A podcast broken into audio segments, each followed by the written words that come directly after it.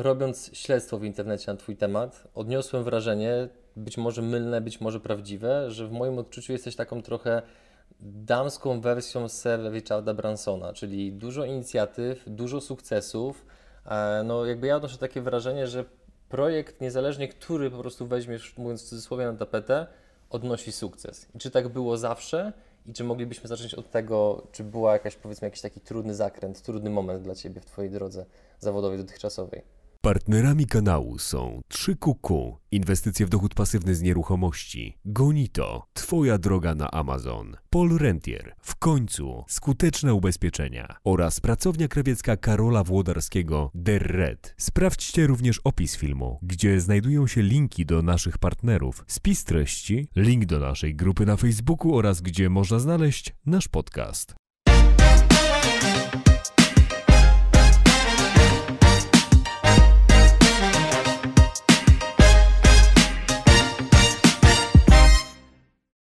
Nie było tak zawsze. To, do czego doszłam w tym momencie, to faktycznie w jaki sposób rozwijają się te marki, które e, teraz odnoszą sukcesy, są już znane na rynku.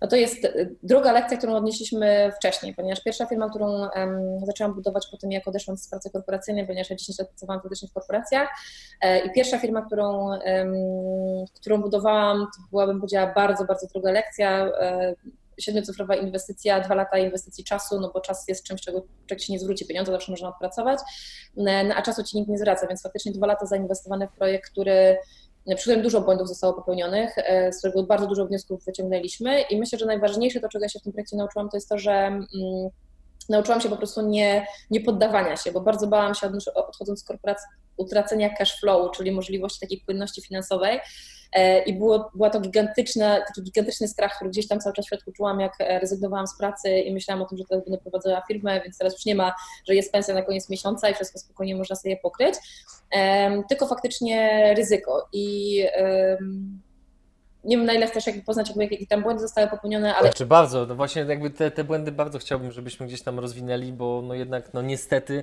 na tych błędach przedsiębiorcy uczą się najwięcej, nie? Tak, y, tutaj faktycznie błąd, tutaj jest cała seria błędów, natomiast najważniejszy błąd, który popełniliśmy, to jest błąd, który ja widzę często młode startupy technologiczne, z którymi współpracujemy w jednej z naszych marek popełniają, a mianowicie niby zrobiliśmy analizę rynku i niby rozumieliśmy, co rynek potrzebuje, ale tak naprawdę go dobrze nie słuchaliśmy, bo produkt, z którym weszliśmy na rynek był produktem pod małych i średnich przedsiębiorców, to, była, to był produkt technologiczny połączony, połączony z lojalnościówką i generalnie jakby benchmarkowaliśmy, czyli czyli porównanie tego rynku odnosiliśmy do tego, jak działają tego typu produkty na e, rynku w UK, czyli w Anglii, w Skandynawii, w Stanach Zjednoczonych, gdzie jest inna kultura tak naprawdę e, całej narodowości, do czego innego ona była przyzwyczajona i bardzo dobrze te produkty szły. U nas to była walka z wiatrakami, e, więc po pierwsze byliśmy tak święcie przekonani, że ten produkt to jest najwłaściwszy, najwspanialszy, no jak można go nie wziąć tego produktu, więc to było takie pchanie tego kamienia pod górę cały czas.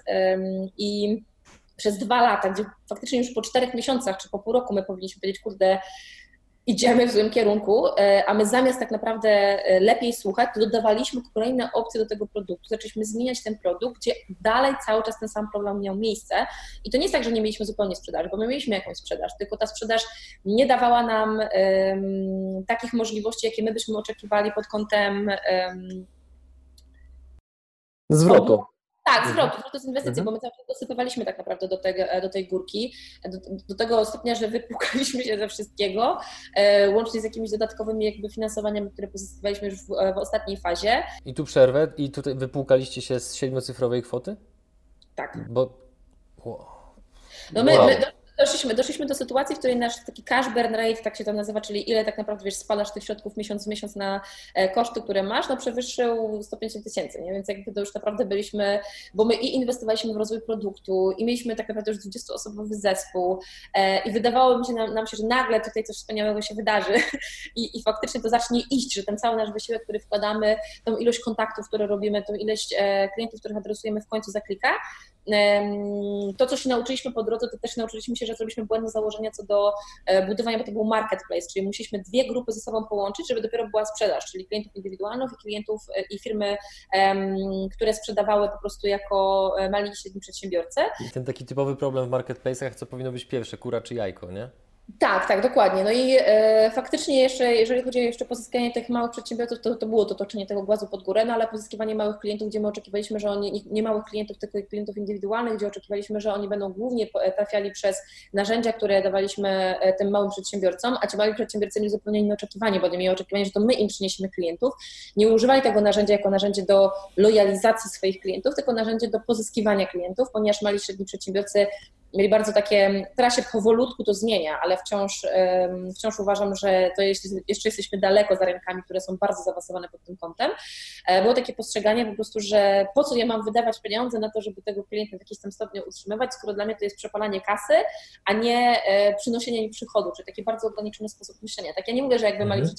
Ograniczeni, ale ten mechanizm e, nie był czymś naturalnym u nas na naszym rynku.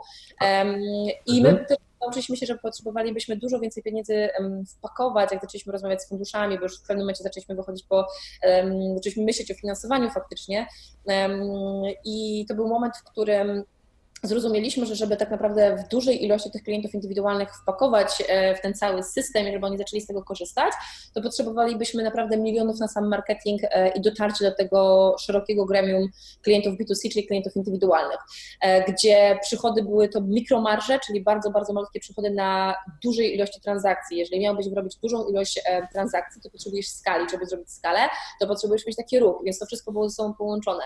Więc no, naprawdę błędów tam było dosyć sporo, ale myślę, że nawet gdybyśmy te rzeczy rozumieli na samym początku, to mm, i nawet gdybyśmy po prostu szli takim modelem, gdzie byłby on idealny z punktu widzenia typu produktu, to nasze święte przekonanie i brak słuchania odpowiednio tego, co do nas wracało, było chyba największym błędem, który popełniliśmy.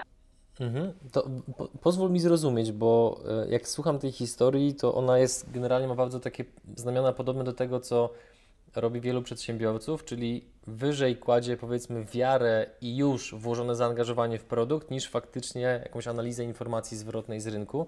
I to tak właśnie mi trochę przypomina, być może słyszałaś tak zwany przekręt nigeryjski, gdzie grupa ludzi właśnie z Nigerii skontaktowała się z pewnym bankiem w Stanach Zjednoczonych, dotarli do jakiegoś bankiera i go jakby zwabili perspektywą budowy lotniska. No i tam jakby od niego, nie do końca pamiętam szczegóły jak to się działo, ale wyciągali jakieś kolejne transze pieniędzy, które już tam opiewały na e, dziesiątki milionów dolarów. No i, i ten właśnie gość, który był w Stanach Zjednoczonych, on już w to się tak bardzo wciągnął, tak bardzo zaangażował, że nie chciał tego przerwać, bo głęboko wierzył w to, że w końcu te tam włożone 300 milionów czy więcej, no w końcu załapie e, i w końcu to, to, to, to lotnisko powstanie. No więc e, tutaj jakby jest moje pytanie, co się dzieje w głowie przedsiębiorcy, który miesięcznie przepala 150 tysięcy złotych i cały czas na tej karuzeli jest i nie chce z niej Stres, cholernie duży stres. Powiem Ci, że um, jakby to jest coś, czego tutaj trochę inną historię Ci pokażę, która, um, którą naprawdę dobrze rozumiem z perspektywy jakby czasu teraz. Mhm. I ja uważam, że w momencie, kiedy tak naprawdę projekt y, nie idzie i on nie spełnia swoich założeń, czyli na początku musisz bardzo dobrze zdefiniowane założenia, te założenia oczywiście weryfikujesz z czasem i może się okazać, że musisz delikatnie zmienić grupę docelową, delikatnie dopasować produkt do klienta, bądź zmienić ten produkt tak, żeby ten klient tego chciał, ale rynek w cudzysłowie musi żreć, jak ja to mówię, tak brzydko, mhm. ale musi po prostu tego wiedzieć. E, czyli musi być konkretny problem, który ty faktycznie rozwiązujesz. Więc patrząc tak naprawdę na to, co się nauczyłam jeszcze pracując w jednej z korporacji Procter Gamble, nauczyłam się, że sukcesem to jest również skillowanie projektu, czyli zabicie tego projektu i nie prowadzenie go dalej. Bo jeżeli prowadzimy go dalej, to, to niestety po prostu pochłania to kolejne środki, a my po prostu przetestowaliśmy pewną, e, pewną kwestię i tutaj można polemizować, ok, testujesz, ale jak za szybko się poddajesz jako przedsiębiorca, to e, i to jest bardzo cienka granica pomiędzy tym, gdzie się poddajesz, a gdzie faktycznie musisz po prostu dopasować ten produkt do rynku. Jest taka bardzo dobra książka e, Lean Startup właśnie na temat metodologii budowania produktów według takiej strategii MVP, czyli Minimal Value Product, gdzie testuje się już to rozwiązanie, czy tą ofertę, którą na rynku chce się wprowadzić, bo to można przełożyć na każdą branżę, nawet tradycyjną, na etapie, kiedy zanim, zanim zacznie się jeszcze pakować ogromne pieniądze w marketing, duże zespoły, w rozwój produktu, gdzie po prostu możesz zderzyć, czy ten Twój sposób myślenia w ogóle ma sens. Bo jeżeli sprzedajesz na przykład e, usługi, to jest dużo łatwiej, bo możesz na samym początku umówić się z 30 e, osobami na kola, na telefon, e, z 10 się spotkać na kawę, gdzieś po swoim, swojej sieci kontaktów od osoby do osoby podocierać do ludzi, którzy pod potencjalnie mogliby być Twoimi dobrymi e, klientami, usiąść z nim na tyłku, porozmawiać, zadać pytania, które, których celem nie jest sprzedaż, tylko jest zrozumienie, czy moje założenie na temat problemu, który chcę rozwiązać, faktycznie istnieje. Czy jest coś, czego nie biorę pod uwagę, czy jest coś, co powinienem wziąć pod uwagę, zanim zacznę inwestować dużo więcej czasu, kasy, e, ludzi i organizować ten biznes na rynku. Więc e, wracając do Twojego pytania, które zadałeś a propos tego, co się dzieje w takiej głowie, to, to, co się dzieje w tej głowie, niestety to się dzieje, Boże, już tyle wpakowałem, to nie ma, nie odpuszczę, po prostu będę dalej cisnął, nie odpuszczę, bo na pewno jest tutaj, um, muszę być wytrwały, tak, musisz być wytrwały jako przedsiębiorca, ale musisz też być mądry, tak, czyli potrzebujesz unieść, wyjść z tej sytuacji, w której jesteś, stanąć naprawdę realnie z boku tego, e, co się dzieje i zadać sobie tak jakby świadomie pytanie osoby, która jest obserwatorem, a nie osoby, która jest w sytuacji, czy to, co ja robię w ogóle ma sens, czy to, co ja robię w ogóle mnie zbliża do e, celu, do którego chcę pójść i czy te mhm który dostaję z rynku, to nie jest dla mnie komunikat, hej, obudź się, bo po prostu za dwa lata się obudzisz z ręką w nocniku i będziesz, krótko mówiąc, e, w czterech literach i będziesz jeszcze gorszej sytuacji niż jesteś teraz. Bo i mhm. nasza kładziesz tak naprawdę odpowiedzialność nie tylko za siebie, ale za długi, które w tym momencie zaczynasz robić, nie mówiąc za ludzi, którzy są w Twoim zespole i to Ty jesteś liderem, tak? Więc okej, okay, jesteście zespołem, który do czegoś dąży, ale to Ty jesteś liderem i Ty musisz mieć ten sanity check, czyli jakby sprawdzenie to realnie, czy ty dążysz, e, czy, ty, to, co robisz, ma w ogóle jakikolwiek sens. I podam Ci kolejny przykład firmy, która mm, była akurat na pierwszej naszej konferencji World Summit, gdzie łączymy ze sobą te startupy, korporacje, inwestorów. I firma, która wygrała, e, tworzyła rozwiązanie i nadal są na rynku, co jest ciekawe, to jest w ogóle Polak, który się rozwijał w Chile i tworzył produkt, który był, nie wiem, czy widziałeś już takie produkty, ich produkt to jest możliwość razem wspólnie oglądania ze znajomymi zdalnie danego filmu, programu, meczu czy czegokolwiek Coraz częściej to widzę. No. Tak, no i oni byli bardzo mocnym prekursorem tego. I w momencie, kiedy oni weszli na rynek, to ich model biznesowy zakładał, że oni będą sprzedawali do klientów indywidualnych w modelu SaaSowym, czyli masz mikropłatności comiesięczne za to, żebyś sobie z kumplami mógł obejrzeć, nie wiem, mecz czy cokolwiek innego.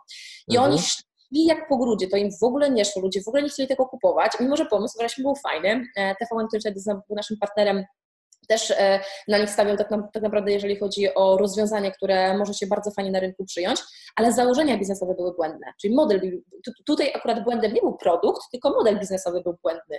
I co oni zrobili? I do dzisiaj mamy z Paulem bardzo dobry kontakt, e, świetna osoba pod względem właśnie takiej wytrwałości w biznesie, bo on zachował tą wytrwałość, ale zachowując po prostu otwarty umysł i analizując co się dzieje na rynku. I co zrobili?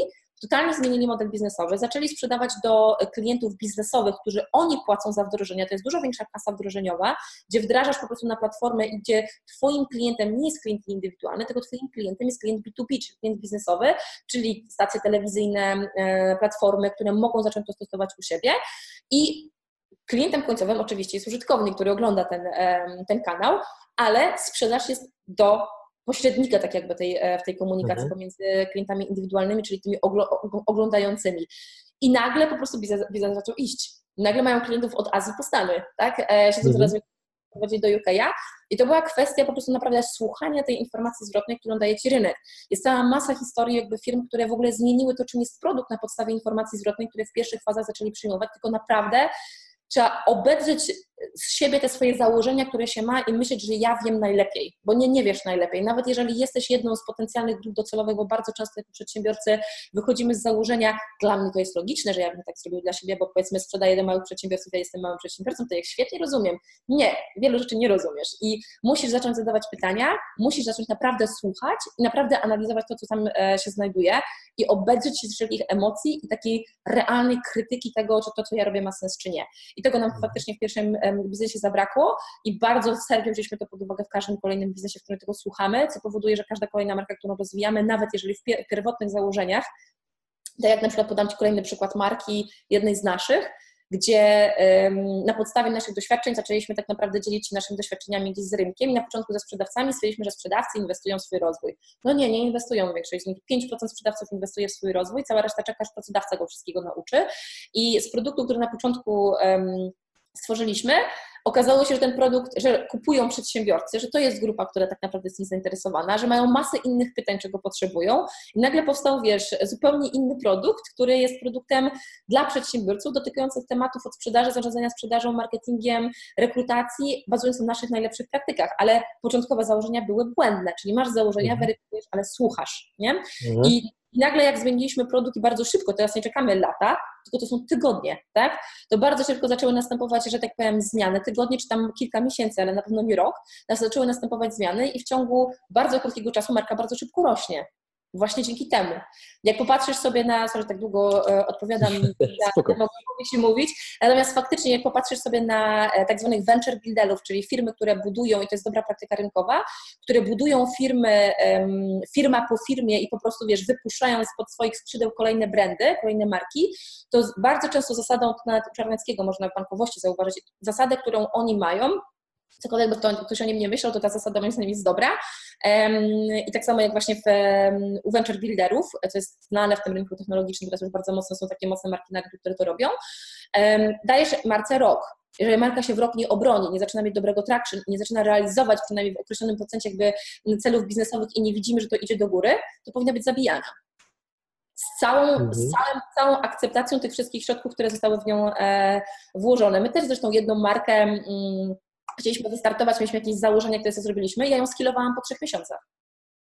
Okej, okay, dobra. To do po, trzech, po trzech no. miesiącach ją skilowałam, bo jakby zauważyłam, mieliśmy jakieś założenie, zrobiliśmy model biznesowy, patrzymy, spina się, ma to sens, e, ale jak zaczęliśmy to realizować ja zobaczyłam x kolejnych czynników, których nie wzięłam pod uwagę, mhm. ile wysiłek operacyjny włożony w to i masę innych czynników zaczęła nam się pojawiać, fały z innych rzeczy, które robimy i czym jesteśmy lepsi, to okazało się, że to totalnie dla nas nieopłacalne to robić. Tak, biorąc pod uwagę te czynniki, które w ciągu trzech miesięcy bardzo szybko przy szybkiej weryfikacji nam się pojawiły, mhm. ja podniosłam po prostu rękę i powiedziałam do chłopaków, którzy są moimi wspólnikami, ja jestem za tym, żeby tę markę skillować. Pytanie, jakie wy macie zdanie? Zabraliśmy opinię, zabraliśmy czynniki dodatkowe, które powinniśmy zdać zderzyć ze sobą i wspólnie podjęliśmy decyzję, że to jest dobra decyzja. Mhm. To powiedz bo, mi, bo no do, dokończ, dokończ proszę. Bo zawsze masz coś takiego jak, jak um, czas jest czymś, czego, człowiek, e, czy, czego w życiu nie, nie, nie dostaniesz i trzeba zapomnieć o tych pieniądzach, bo pieniądze są, były, będą, to jest cash flow i budując firmę nie patrzysz na to, ile masz na koncie, tylko widzisz, jakie masz przepływy pieniężne. To, co się liczy, to się liczą twoje przepływy, a nie realny stan konta. To jest najważniejsze, tak? Jeżeli jesteś zdolny do generowania przepływów pieniężnych, to się z tego odkopisz i możesz dużo szybszy rozpęd zdobyć z inną marką bądź z innym projektem. Więc musimy mieć tą świadomość. Natomiast czas, czyli alternatywa wykorzystania tego czasu w lepszym miejscu, to jest to jest tak zwany alternatywy koszt, który ponosisz, o czym bardzo często e, ludzie zapominają, a że to również powinien wziąć pod uwagę w momencie, kiedy robią taki assessment, czyli ocenienie tych działań, które w tym momencie robią w swojej mhm. firmie. To, po, to, to powiedz, odnieś się proszę do tego, bo ja absolutnie się zgadzam z tym, co powiedziałaś odnośnie tego, żeby konfrontować swoje pomysły z rynkiem za pomocą właśnie metodyki albo Lean Startup, albo Design Thinking, Service Design, one wszystkie gdzieś tam no jakby bazują na bardzo podobnym modelu tworzenia jak największej ilości iteracji, jak najszybciej, jak najniższym kosztem. I jakby bardzo podobne rzeczy mówił chociażby we wcześniejszych wywiadach Michał Pleban, twórca największych giełdy domen w Polsce, Aftermarket.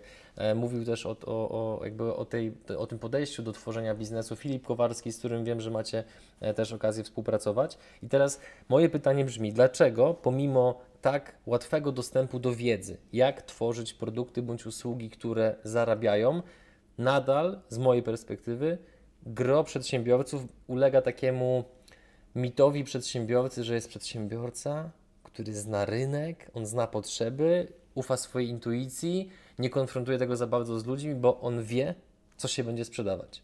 No i potem jakby właśnie widzę, że jest promil osób, które postępują tak jak ty, które podchodzą na zasadzie nieprzywiązywania się emocjonalnego do pomysłu, tylko zderzamy go z rynkiem, nie działa, idziemy dalej a zdecydowana większość to idzie po prostu no, jak po grudzie z uporem maniaka i, i, i, i czekają aż ten jakby moment nastąpi, pomimo że nie następuje ten moment powiedzmy break-even, rentowności i tak dalej. Dlaczego tak jest? Wiesz co, mi się to wydaje, wydaje mi się, że bardzo często projekty, które są, masz dwie grupy przedsiębiorców. Masz e, grupę przedsiębiorców, która zakłada firmę dlatego, że dany temat ich interesuje, że to jest jakaś ich pasja, że ich coś kręci e, i tu bardzo mocno możesz to zauważyć na przykład w tradycyjnym rynku, tak, czyli mm, od jakichś, nie wiem, piekarni przez jakieś inne rzeczy, ludzie zakładają te firmy dlatego, że uważają, że wreszcie będą tak naprawdę mm, taki mit bycia przedsiębiorcy spełnieni, bo będą robili to, co kochają, a potem się okaże, że to, okazuje, że to, co kochają, zaczyna być ich e, największą gehenną, tak, bo w ogóle jeszcze nie potrafią tego dobrze zorganizować i mają więcej pracy, więcej kosztów i więcej, mniej przychodu niż mieli, kiedy pracowali u kogoś, tak, bo bycie przedsiębiorcą wbrew pozorom nie jest proste, tak? I to jest dużo więcej elementów, które trzeba ze sobą połączyć. I to jest jakby jeden typ, tak? I te osoby, które idą e, za głosem po prostu tak zwanego serca, jak ja to mówię, bo ich coś kręci i dlatego, że chcą to robić, to są osoby, które są tak mocno osadzone w tym w tej bańce, tak przynajmniej według mnie, w tej bańce po prostu tego sektora, tego rynku i tego przekonania o swojej słuszności, że niby słyszą, ale naprawdę nie rozumieją, czyli słuchają, ale nie słyszą, jak ja to mówię, tego, co się do nich mówi. E, niektórzy przedsiębiorcy też generalnie niezbyt dużo się uczą. On, y, ja myślę, że ten trend tak naprawdę bazowany na czyichś doświadczeniach, to jest u nas coś, co bardzo mocno rośnie, ale to nie jest coś, co y, nie, nasi rodzice robili, na przykład będąc przedsiębiorcami. Moi rodzice nie są przedsiębiorcami, ale mogę sobie popatrzeć gdzieś tam po znajomych. Bardziej mhm. człowiek się uczył z doświadczenia, bo nie miał też takich zasobów, jakie dzisiaj mamy dzięki erze informacji, dzięki temu, że jest coraz więcej ludzi, którzy się dzieli swoimi przykładami, jest coraz więcej książek, jest coraz więcej takich, wiesz, studiów w przypadku e, i co uważam, tak, że jest tak. fenomenalne, bo ja uwielbiam książki, które są biografami przedsiębiorców, po prostu połykam je, e, bo zawsze się z nich jestem w stanie bardzo dużo nauczyć. Natomiast to, co tutaj jest naprawdę mega istotne, to to, że właśnie taki przedsiębiorca, który zaczyna firmę dlatego, że wydaje mu się, że nagle będzie cudownie i nagle po prostu e, on rozumie i on wie, to nie słucha, nie sięga po te materiały, ale nawet jak słyszy, do momentu, dopóki się nie zderzy z tą sytuacją, to w ogóle nie rozumie tego, co usłyszał, czyli po łebkach przechodzi przez tą informację, zamiast naprawdę się w nią gryźć, czy nie potrafi jej dobrze mhm. zrozumieć. Tak? To też jest kwestia tego, jak ta informacja jest przekazywana, to jest jakiś drugi wymiar.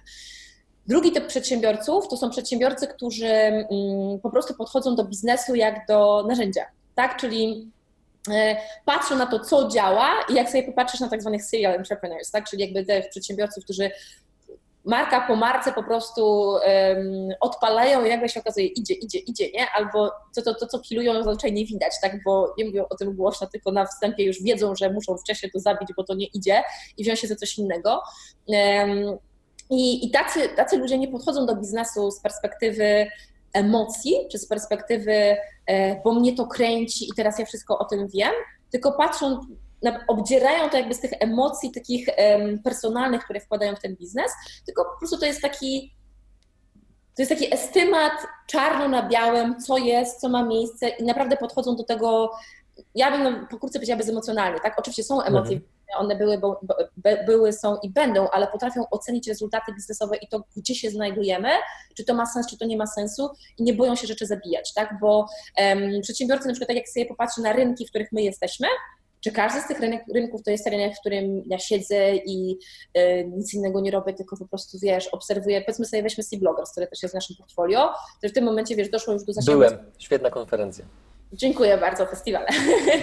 Ale też można być konferencje, tak. Mhm. Mm, więc y, na C-Bloggers um, faktycznie, wiesz, jest tam 48 milionów zasięgu już zrobione, e, sumarycznego, patrząc na to, jaki potencjał influencerski ta, ten festiwal ma ale czy ja siedzę tak realnie, mogłabym się do tego nie przyznawać, ale czy ja siedzę na YouTubie i obserwuję całą masę influencerów i czy to jest rynek w ogóle, w którym, w którym jestem zatopiona? Nie. Ja Ci powiem szczerze, nie, nie jestem, tak? I mogę to bardzo szczerze, otwarcie powiedzieć, ale są w zespole moje osoby, które to kręci. A kto jest osobą, który tak naprawdę to poukładał od strony sprzedaży, od strony logistyki, itd., jestem tym ja. Więc jakby ja sobie na tą markę popatrzyłam bardziej jak na nie własne dziecko, które po prostu wam chucham piesze, tylko masz pewnie elementy, które trzeba poskładać w kostkę, które muszą po prostu ze sobą działać, które muszą się spinać, które muszą po prostu przynosić sens. E, mamy tak naprawdę e, bardzo dobrego prezesa tej spółki, e, Kubę Zająca, który ma świetne doświadczenie razem z Ają jako influencerzy, bo sami w tym rynku siedzą, sami ten rynek bardzo dobrze znają i nie bez powodu zaprosiliśmy jako, jako partnerów do, jako biznes partnerów, z którymi razem wspólnie tworzymy tę markę od trzeciej edycji. Dlaczego? Dlatego, że ja sobie zdaję sprawę, że ja w tym rynku nie siedzę na co dzień. Ja mogę ją świetnie zorganizować, ja mogę zorganizować sprzedaż, ja mogę zorganizować całą logistykę, ja mogę to tak poukładać, że to będzie chodziło jak maszyna i tak faktycznie jest w tej marce, ale ktoś musi ten rynek kumać, znać, ktoś musi być ownerem produktorem, produktowym, czy być taką właścicielem markiem pod mhm. względem zrozumienia tego, co ten rynek potrzebuje, E, jakie są trendy, cały czas na bieżąco analizować, co się na tym rynku dzieje, bo ktoś musi być blisko tego rynku tak naprawdę, żeby go rozumieć. Jeżeli to nie jesteś ty, a ten rynek rozwijasz, to musisz mieć takiego partnera biznesowego, musisz mieć kogoś, kto po prostu, um, kogo będzie to jarało, jak ja to mówię, tak? No, mhm. w, Kolejną markę, którą mamy, e, to jest marka Wolf Summit, tak? I tutaj zupełnie inny rynek. Masz rynek B2B, gdzie masz startupy technologiczne, gdzie masz korporacje, gdzie masz fundusze inwestycyjne, ludzi, którzy z ponad 60 rynków, czyli nie tylko i wyłącznie Polska. Czy ja jestem, czy mnie ten rynek jara? Tak kręci mnie, ale czy ja na temat tego rynku tak dużo wiem, jak na przykład mój mąż Piotr Piasek, który jest e, właścicielem tego, tego brandu pod kątem e, tego, jaka jest strategia, gdzie idziemy, co się dzieje na rynku, który cały czas analizuje ten rynek, który patrzy, kto co robi, w jaki sposób i przez różne platformy dostarczania tej wartości, którą dostarczamy, czyli to nie tylko konferencja, ale również SASy, nie SASy, czy inne alternatywne rozwiązania, które rozwiązują ten sam problem, to on to robi. To on wie na temat tego rynku dużo więcej niż ja. I, I to ci powiem, powiem ci to szczerze, tak jest, tak? Jego zapytasz o trendy i on ci po prostu bo będzie wszystko mówił, co się dzieje. Mnie o to mhm. zapytasz? Ja wiem, tak? Wiem, ale na pewno nie tyle, co on. Tak więc to mhm. on jest osobą, który e, ustala to, w jakim kierunku idziemy w tej marce. Ja natomiast tą markę poukładałam, tak? Ja tą markę, ja wiedząc, że moja silna strona to jest poukładanie tego biznesu i podejście do tego biznesu jak do klocków, które muszą się ze sobą, że tak powiem, wiesz, spinać, to mhm. ja żeby ta, ta marka mogła mm, mogła się skalować od strony operacyjnej, od strony sprzedaży, od strony produkcji, od strony, e, czyli produkcji takiego eventu, który jest jednym z elementów przy konferencji, tak? Bo masz w każdej specyfice marki, masz poszczególne elementy, które muszą, mogą, muszą być po prostu, muszą być dobrze poukładane, żeby one grały. Natomiast zawsze musi być ktoś, kto jest blisko tego rynku. I ja szczerze mówiąc, e, odpowiadając tak długo na to twoje pytanie, uważam, że zawsze musi być osoba, która ten rynek obserwuje i osoba, która potrafi stanąć z boku i powiedzieć po prostu, to nie ma sensu. Osobą, ja, którą często jestem ja w naszych markach, na przykład w marce botowej, którą mamy, e, jest nią Adrian. Adrian, który jest mega wkręcony w ten rynek, mega go rozumie, po prostu tyle ją o tym AI-u, machine learningu, wszystkim czyta. Ja się dużo od niego nauczyłam tak naprawdę w tym całym procesie, tak? Ale ja mogę przyjść i powiedzieć, to jest bez sensu, bo to, to i to, bo to będzie na przykład przynosiło stratę, albo nie róbmy tego w tym momencie, bo będziemy mieli taki efekt, tak? I um, i zawsze w budowaniu biznesu, ja zresztą jestem bardzo dużym zwolennikiem tego, żeby w biznesie mm, być nie jedynym samym, kiedy się wszystko wie najlepiej, ale mieć ludzi mądrzejszych od siebie. E, warto jest mieć wspólników, mimo że się mówi tam wspólnik, to jak małżeństwo, są plusy i minusy posiadania wspólników. Ja raczej widzę dużo plusów, jeżeli jesteście, że macie ten sam cel, do niego dążycie i y, jesteście dobrze ugadani a propos tego, jakie są oczekiwania w stosunku do siebie we współpracy, mieliście okazję się wcześniej poznać, mieliście okazję się dotrzeć w jakiś tam sposób takiej relacji, wiesz, interpersonalnej, to, to raczej nie powinno być problemów, a jeżeli byłyby w byciu wspólnikami, to trzeba je szybko umieć wyjaśnić, czyli zderzyć na argumentację. Tak jak my zderzamy, my czy zawsze mamy to samo, ten sam myślenia ze wspólnikami? Nie. Czy często ścieramy swoje argumenty? Oczywiście, że tak, tylko bazujemy na argumentacji i mamy jasny podział obowiązków, kto jest za co odpowiedzialny, kto bierze odpowiedzialność za które decyzje um, i kto co robi w markach, które rozwijamy i jakie ma kompetencje też się musimy na początku tego siebie nauczyć tak naprawdę, kto gdzie ma najsilniejszą e, rolę. I ja uważam, że jeżeli budujesz sam biznes, ja nie mówię, że to nie jest, e, mm, że nie może być sukcesem. Owszem, może być sukcesem, ale budowanie samego, samemu biznesu to A. W sytuacjach, kiedy jest zaib... nie chcę przypominać, ale jest bardzo ciężko, czyli jest bardzo ciężko, w takich sytuacjach tak naprawdę potrzebujesz bycie razem, kiedy się na, na, na, nawzajem wspieracie, jest na pewno dużym, dużym plusem. To też widzimy w startupach technologicznych, że to zawsze pomaga. E, a druga rzecz to jest to, że e, wiedz, w czym jesteś dobry i wiedz, w czym jesteś słaby. Jeżeli jesteś w czymś słaby, ja na przykład nie jestem osobą, która kreatywnie wymyśli, tak żeby kreatywnie, fajnie wyglądała kampania. Ja nie wymyśliłam nazwy Wolf Summit. Piotrek nie wymyślił, Marek ją wymyślił, tak? Bo Marek wymyślił całe budowanie community, czyli społeczności wokół, wokół marki Wolf Summit, czyli wokół Wolfsów, całe story, które jest bardzo mocno, z którym się bardzo mocno identyfikujemy. To jest jego silna strona. On jest headem marketingu u nas, tak? Czyli wiemy, kto w czym jest słaby, kto w czym jest dobry i dzięki temu jesteśmy w stanie się dużo um, dobrze uzupełnić. Jeżeli wiesz, że w czymś jesteś słaby, nie bądź najmądrzejszy jako przedsiębiorca, że ja wszystko, ja Zosia Samosia, nie, nie outsourcuję nikogo, wszystko zrobię sam, bo prawda jest taka, że bardzo często tracisz dużo więcej pieniędzy i czasu. Tak sobie myślę, słuchając Ciebie, czy dogadałaś się może przypadkiem z moim producentem i jest jakieś połączenie między Twoim komputerem a prompterem, powiedzmy, który widzę, bo miałem powiedzmy przygotowanych 30 pytań, ty wystrzelałaś już 14, a ja zadałem 3, nie? Więc tak mam jakiś cień podejrzenia, ale wracając do tego, co powiedziałaś, poruszyłaś wiele ciekawych wątków. E, tak, w małżeństwie pojawiają się czasami napięcia, konflikty. Z, z byciem wspólnikiem również. Twoim wspólnikiem jest Twój mąż, więc stawka jest podwójna. Dlatego już powiedziałaś częściowo, jakby jak to wszystko powiedzmy rozgrywacie, żeby komunikacja była bardzo dobra, ale czy są jeszcze jakieś inne praktyki bądź powszechne błędy, które powodują, że no, ciężko się ze wspólnikami dogadać, a już nie mówiąc o tym, że no, się ma jeszcze męża, z którym się i zakładam, że częściowo spędza czas w biurze i potem jeszcze w domu, czyli no, prawie całą dobę. Na pewno jeżeli chodzi o małżeństwo, od tego zajmę, a potem pójdę do, do, wspólników, bo przy małżeństwie myślę, że jest to większe wyzwanie. Mhm. Jeżeli na przykład, a, a, a, widzę sporo par, które wspólnie e, prowadzi biznes, jednym się to udaje, drugi, dla drugich to jest po prostu utarczka i to tak jest taki cały czas handryczenie się ze sobą. Ja myślę, że to jest, to jest potrzebne w momencie, kiedy się buduje biznes, to co para na pewno budując go musi mieć na uwadze, to to, że to nazywam trochę taką inteligencją emocjonalną, którą trzeba mieć, bo łatwiej jest się wyżyć, e, jak człowiek jest mega wynerwiony na e, osoby w domu. Taka jest prawda. To w ogóle nie każdy z nas wie, że przy pracowniku czy przy osobie, która nie jest twoim partnerem biznesowym, to się pohamujesz, tak? Albo w jakiś tam sposób przez filtry próbujesz przepuścić komunikat. No ale jak masz na przykład męża czy partnerkę, partnerka czy partnerę i po prostu przychodzisz do domu i łatwo jest się wydrzeć i e, być wkurzonym i wyrzucić wszystkie swoje emocje. To jest taka tajemnica zawsze... Poliszynela trochę, jeżeli chodzi o komunikację międzyludzką, nie? Tak, bo zawsze na naj, najbliżsi najbardziej po dupie dostają, tak brzydko mówiąc. Mhm. Więc, więc faktycznie tutaj jest bardzo dużo potrzeba takiej inteligencji emocjonalnej e, i ja z Piotrkiem, z moim mężem bardzo dużo włożyliśmy wysiłku, właśnie tak się poznaliśmy, w taki personal development. w dobrym tego słowa znaczeniu, czyli po pierwsze mój Piotr jest po psychologii, po drugie nigdy nie użył... Wiele ułatwia pewnie.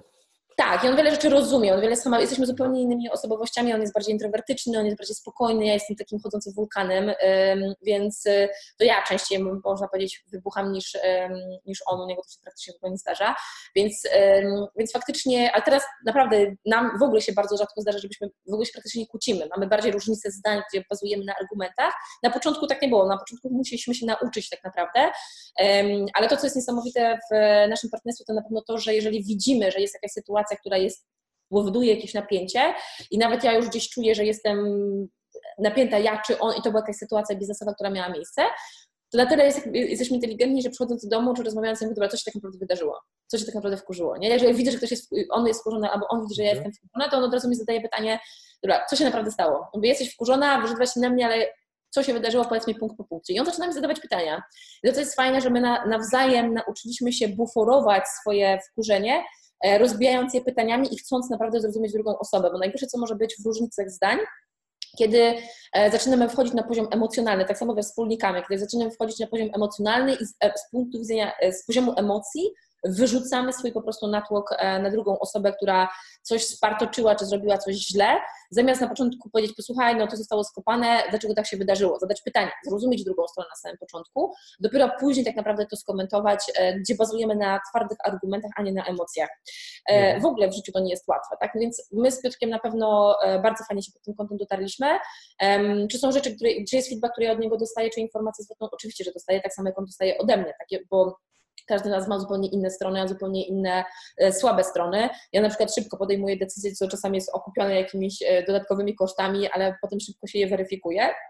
A znowuż Piotrek jest osobą, która lubi przetrawić informacje, lubi zebrać wszystkie dane, tak, bo on jest bardziej analityczny. Ja na przykład go cały czas mówię, szybciej, to już się powinno to dziać, to już powinniśmy mieć wdrożone, to już powinna być podjęta decyzja, tak? Gdzie czasami moje pospieszanie jego powoduje, że to, że go pospieszałam, gdybym go pospieszała i gdyby podjął decyzję szybciej, to nie odkrylibyśmy czegoś, co odkrył, na przykład, co miało bardzo duże znaczenie na rozwój marki. Więc, więc zawsze jest taki środek, gdzie trzeba się poznać, jaką osobowością jesteśmy, kto jak funkcjonuje, jak to wpływa na biznes, transparentne komunikowanie sobie rzeczy i na pewno nie wyżywanie się drugiej osobie. Tak, jeżeli ja na przykład widzę, że już mam taki dzień, że już tyle rzeczy mnie wkurzyło, że potrzebuję wyjść się, wyłączyć i wiem, że on chce ze mną powiedzieć, wiesz co, nie chcę gadać, chcę, daj mi dwie godziny, ja muszę, ja, ja po prostu potrzebuję dwie godziny dla siebie, nie chcę gadać, potem możemy pogadać, bo wiem, że to będzie bardziej zerowe niż pogadanie na ten temat. E, I on po prostu szanuje, tak? Czyli jest takie uszanowanie siebie, nie obrzucanie się po prostu e, emocjami niepotrzebne. I my faktycznie dzięki temu się praktycznie w ogóle nie kłócimy co nie znaczy, że nie mamy różnicy zdań, to jest ważne. Mhm. Natomiast jeżeli chodzi o wspólników, e, to co ja przyjmuję jako zasadę, którą zarówno przyjmuję ze wspólnikami, jak również zasadę, którą przyjmuję z osobami, które są u nas w zespole, I dla niektórych ludzi, którzy przychodzą zupełnie z innego środowiska, z zupełnie innej kultury organizacyjnej, może to być szokiem na samym początku u nas. U nas się bardzo bezpośrednio komunikuje. E, nie, owijamy rzeczy po prostu w papierek. Robimy to z szacunkiem do drugiego człowieka. Jeżeli ktoś tego nie zrobi z szacunkiem, to też dostaje informację zwrotną, że halo, no, ta komunikacja, nie wiem, uraziła mnie, moglibyśmy to inaczej powiedzieć i tak samo ja tą, ten feedback mogę dostać, tak samo ktoś inny go może dostać. To nie ma e, taką informację zwrotną, więc nieważne kto, gdzie się w tej strukturze organizacyjnej faktycznie e, znajduje pod, e, pod kątem takiego e, dawania sobie informacji zwrotnej, która być może nie jest pozytywna, tylko krytyczna, tak? E, natomiast z chłopakami, no bo wspólników mamy samych chłopaków, e, tak się, tak się wydarzyło, że jestem jedyną kobietą, Marek zawsze się śmieje, że tobie jako kobiety byliśmy lejce, ale trochę inny jest powód, nie to, że jestem kobietą. I, e, i faktycznie my mamy na przykład takie cotygodniowe kole, czy cotygodniowe mamy spotkania, bo nie wszyscy zawsze jesteśmy w tym samym miejscu, więc co, co tydzień się dzwaniamy i omawiamy, co, wiemy jaki jest plan zrobiony na rok, kolejny lata, na kwartał, na dany miesiąc, gdzie jesteśmy z tego, co kto ma do wyegzekwowania po swojej stronie, czyli bardzo istotne jest mieć jasny podział obowiązków, bo w małych firmach bardzo często masz tak, że ten podział obowiązków i odpowiedzialności jest tak rozmyty, że nawet pracownicy nie wiedzą, kto podejmuje finalną decyzję, bo dwóch wspólników mówi dwoma, dwoma różnymi głosami, co jest dużym błędem. Tak? I zawsze musi być w tym obszarze finalny głos masz ty, w tym obszarze finalny głos masz ty, w tym obszarze ty i koniec. I oczywiście my możemy to między sobą zderzać, ale powinniśmy to zderzyć ze sobą, a nie z całym zespołem, jeżeli mamy różnice zdań. Jeżeli ktoś chce coś e, dodać do danego obszaru, za który inna osoba jest odpowiedzialna, i powinniśmy bazować na argumentach. Jeżeli zdarzy się, że na przykład dwójka się złapie, bo nie moje, że się nie zdarzało, zdarza się, że się złapiemy po prostu za zęby, to plus jest taki, że jest nas trójka czy czwórka e, w danych projektach, a w Cblogas jest nas e, nawet piątka, bo i Ania i Kuba, to w takiej sytuacji to, co robimy, jest medialne. Wiesz, to jedna osoba, jeżeli wchodzi w emocje, to pozostałe patrzą na to z boku. Dobra, stop. Stop, bo zaczynacie wchodzić w ogóle nie w tą, nie w tą, nie w tą stronę, która powinna być. Ochłoncie dwa oddechy i zaczynamy od pytań. Jak ty to widzisz z tej strony, jak ty to widzisz? I, i wtedy taki, wiesz, taki, taki mały, delikatny, jak ja to mówię, policzek, mówię, zatrzymaj się po prostu, bo nie idziesz nie we właściwym kierunku, jest dobry, bo jesteś, jesteśmy nauczeni tego, że tego słuchamy. Tak? Mhm. Czyli jeżeli ktoś ktoś mnie zastopuje, jeżeli ja wejdę na przykład na poziom, a gdzie wiem, że moja komunikacja czasami może być postrzegana jako bardziej agresywna, bo ja jestem taka bardzo bezpośrednia w swojej komunikacji. Ja mówię, posłuchaj, ja mówię, nie mam tego na myśli, to, że ty tak odebrałeś, to ja nie mam tego na myśli. Chodzi mi o to, o to, o to, o to i zaczynam się uspokajać, jak ktoś mnie zastosuje i spokojnie to mówić, żeby ktoś tak w ten sposób nie odebrał. E, więc plusem jest to, że zawsze ta druga strona powinna, czy przynajmniej ta trzecia, jeżeli jest taka możliwość, że jest więcej wspólników, być tym takim pójściem po rozum do głowy, uspokojeniem i bazowaniem danych na argumentach, jeżeli jest już jakaś emocjonalna sytuacja, która faktycznie kogoś um, wyprowadziła z równowagi, a czasami nawet warto przerwać spotkanie i powiedzieć, wiesz co, dajmy sobie 15 minut, ochłońmy i wróćmy za 15 minut do rozmowy. Jeżeli to by były dwie osoby, wróćmy za 15 minut do rozmowy, ochłońmy, ja nie chcę się z tą kłócić, ja nie chcę tak naprawdę, żebyśmy mieli um, tak naprawdę sytuację, w której e, nie rozmawiamy bazując na argumentach, tylko jest to emocjonalna dyskusja, daj mi 15 minut, ja ochłonę to ochłonię i wróćmy do dyskusji.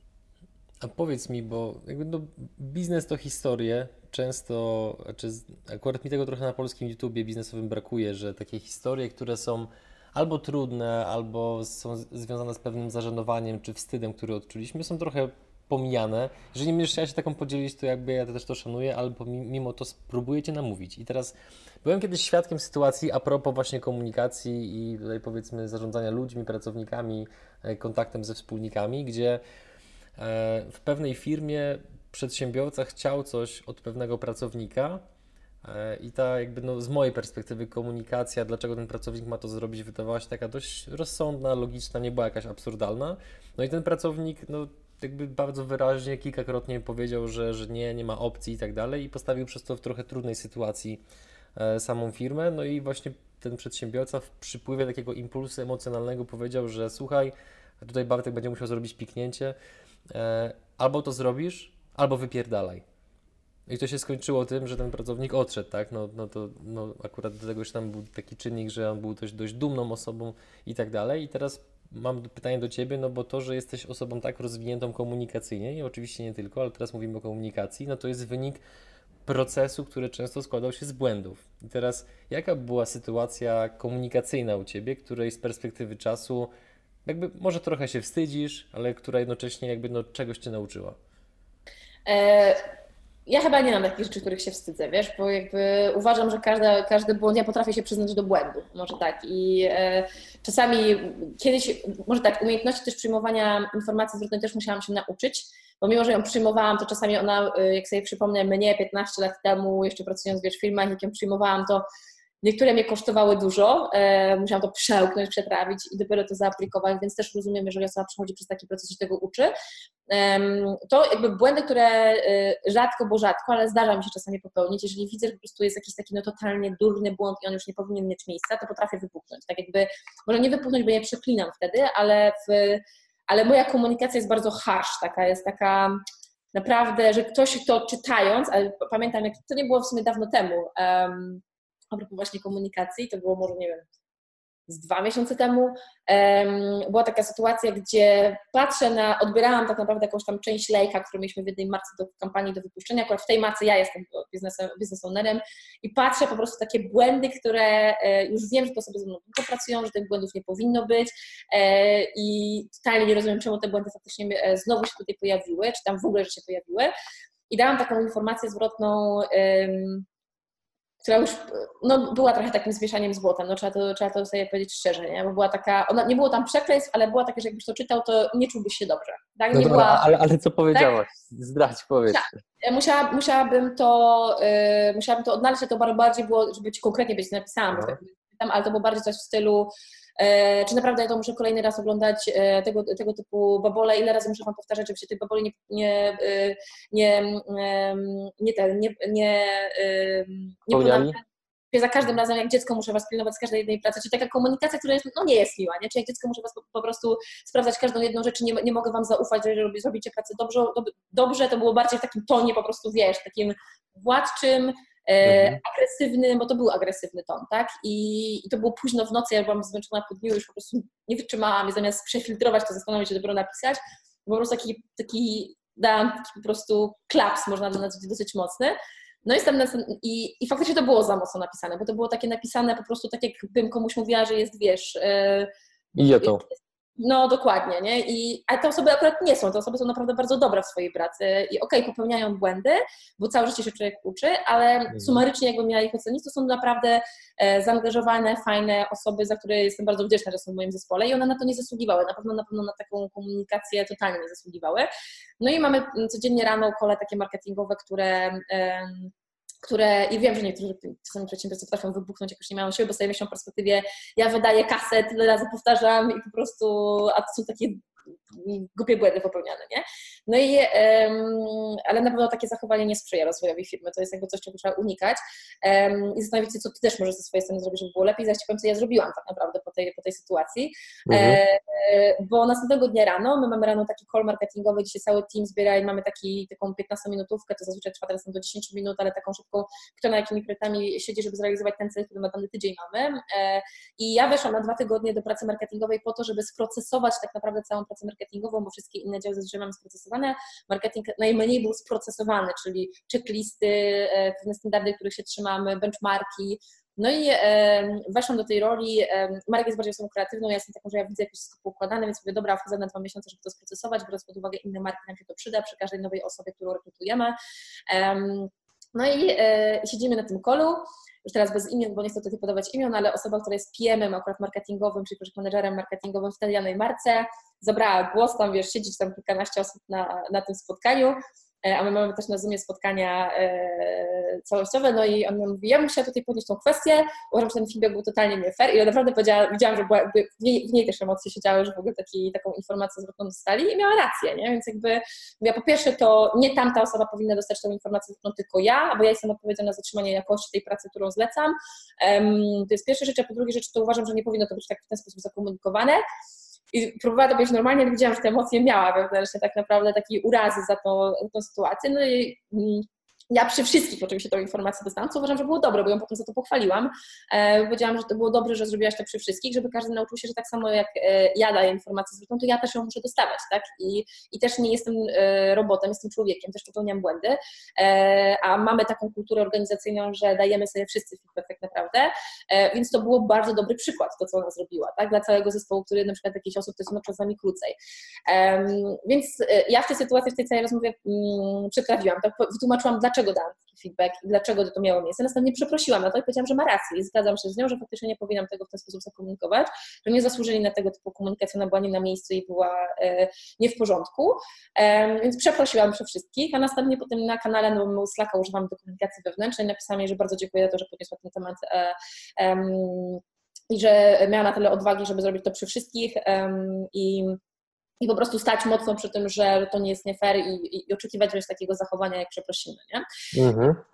więc, więc tak, każdemu się zdarzają e, pomyłki, e, każdemu się zdarzają, tak, no nic nie jest idealne, każdy ma różne dni, też trzeba pamiętać o tym, że czasami masz gorszy dzień i możesz po prostu, wiesz, nie przefiltrować czegoś, no ale takiego przykładu, jak ty powiedziałeś, to raczej bym tak do kogoś nie powiedziała, tak, chyba, że, chyba, że wiedziała, że ktoś po prostu przegiął pałę już po prostu, że po prostu, mhm. wiesz, kłamał mnie, naciągnął, zrobił jakieś takie wie, rzeczy, które naprawdę są już po prostu mocno poza granicą etyki i próbuje, i próbuje, wiesz, zrobić coś mi, krzywdę i całej firmie, no to wtedy faktycznie mogłabym sobie popuścić w rozmowie jeden, jeden na jeden na coś takiego, ale nigdy mi się to nie zdarzyło, żeby tak do, do osoby powiedzieć, nie?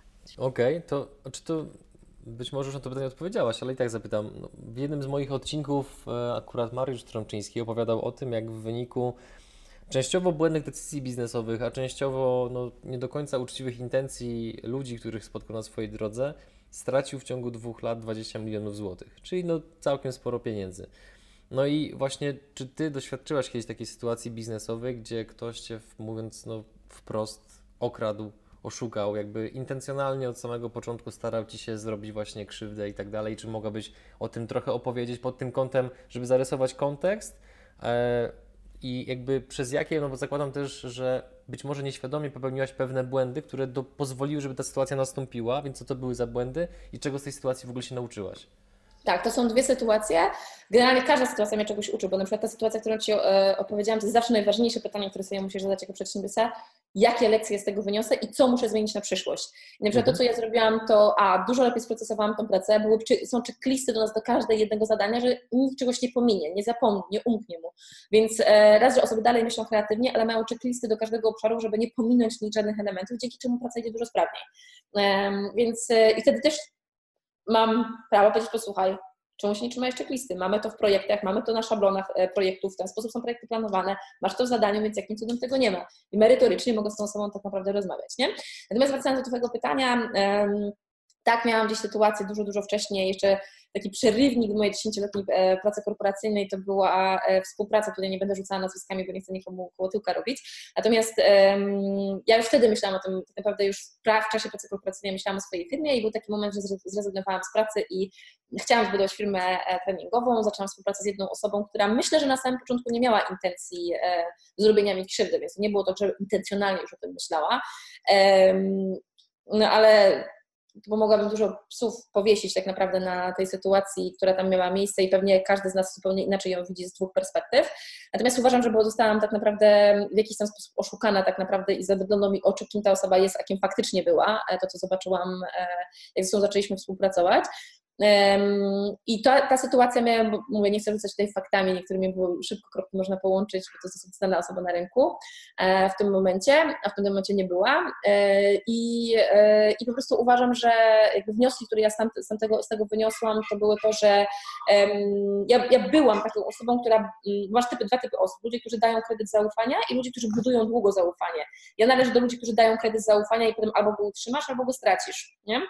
I e, jak sobie przypomnę siebie z początkowych lat, jakiegokolwiek doświadczenia biznesowego, to ja byłam bardzo ufna w stosunku do ludzi i e, nie robiłam wystarczającej weryfikacji tego, czy to ma sens. Dzisiaj na przykład nie, nie zaczęłabym z kimś współpracować tak zwaną gębę, tak, i dobra, to tam papierki zrobimy później. Nie, dla mnie po prostu nieważne, czy to jest rodzina, czy to jest, wiesz, po prostu rzeczy muszą się ze sobą zgadzać. Ja chcę mieć po prostu wszędzie dupokrytki tak zwane, um, czyli chcę mieć, żeby papiery się zgadzały, wszystko się zgadzało, a nie, że potem ja wrzucam tak naprawdę kasę um, komuś, kto tylko to nadużywa, tak, bo, bo ufam, że te rzeczy się, że tak powiem, za jakiś czas wydarzą, wydarzą a ktoś tak naprawdę mnie tylko wykorzystuje. Więc e, mimo, że nie mam takiej intencji, ale w pewnym momencie zaczął to robić, tak, i realnie jest tego typu osobą. Więc. Nie był więc, świadom, że to robi, tak? E, może nie też, że nie był świadom, po prostu to jest osoba, która ma no, określone mniemanie na temat siebie, tak? Okay. Tak to bym nazwała, tak? I na pewno mamy zupełnie inną etykę, inne wartości, które wyznajemy i, i to zostało zderzone, tak? Jakby w innym świetle, momencie, kiedy się mhm. Jako inna osoba, a w momencie, kiedy tak naprawdę mieliśmy okazję, wiesz, poznać się naprawdę, to po prostu mi się oczy otworzyły bardzo, bardzo szeroko, z kim ja tutaj w ogóle mam do czynienia, tak? I bardzo wiele mhm. zakłamań chodziło. Um, i, e, ale mówię, jakby początkowo ta osoba nie miała intencji, myślę, zrobienia tak naprawdę mi krzywdy, ale pewne rzeczy wyszły, o tak to nazwijmy. Mhm. Um, no i na pewno na sam koniec nie uważam, że się zakowała fair. Ta osoba na pewno miała zupełnie inny punkt widzenia, bo wiem, jaki ma sposób myślenia i wiem, co się potem gdzieś tam na rynku działo, jaki PR gdzieś tam poszedł w sieci, gdzie widziałam, że lekcje swoje nie odrobił z tej sytuacji, którą my mieliśmy i dalej popełnia te same błędy. No ale on pewnie jest przekonany, bo to jest akurat mężczyzna, jest przekonany że robi dobrze, więc mhm. polemizowała. Ja po prostu uważam, że mamy zupełnie inny system wartości. Dla mnie ludzie są przede wszystkim bardzo ważni. E, tak, są sytuacje, w których niestety e, musisz podjąć decyzje, które są ciężkie jako przedsiębiorca i które no nie ma idealnego wyjścia, tak? Po prostu są ciężkie decyzje, które albo ktoś, albo czasami są to decyzje albo ty, albo ktoś, tak? Albo ty przeżyjesz, albo generalnie. Mhm. No i zazwyczaj wybierzesz siebie, no tak, tak, tak jak jedziesz samochodem, masz mieć wypadek, to kierowca automatycznie chroni siebie, bo to jest normalne, tak? To jest odruch bezwarunkowy. Więc tak. Więc tak naprawdę e, tak, są ciężkie decyzje, osoby mają tak naprawdę inne kręgosłupy moralne. E, na pewno jako wspólnicy musisz mieć ten sam kręgosłup moralny. To jest jakby jedna sytuacja, która mnie nauczyła wtedy, że e, muszę mieć dużo więcej, że muszę sprawdzać rzeczy, tak? Że muszę mieć mniej kredytu zaufania na samym początku i bardziej weryfikować te miejsca, a nie tak łatwowiernie ufać ludziom, bo nie, mhm. wszyscy, nie wszyscy ludzie są dobrzy. No tak, i mhm. jakby to jest to, z czego się musiałam nauczyć hard way. A co straciłaś w tej sytuacji? Tak wymiernie, tak wymiernie dostałam, zaczęłam pracować z kimś, gdzie gdzieś mieliśmy być wspólnikami, a można powiedzieć, zainwestowałam w jakiś tam stopniu w tamtą firmę pieniądze. Ja zostałam, o tak, zostałam w sytuacji, gdzie miałam 500 zł w portfelu, dosłownie miałam 500 zł w portfelu, nie miałam pracy, nie miałam, od iluś miesięcy nie zarabiałam, bo tylko było inwestowanie i czasu, mhm. środków i do niczego nie miałam praw, nie? więc jakby w takiej sytuacji e, byłam postawiona na sam koniec.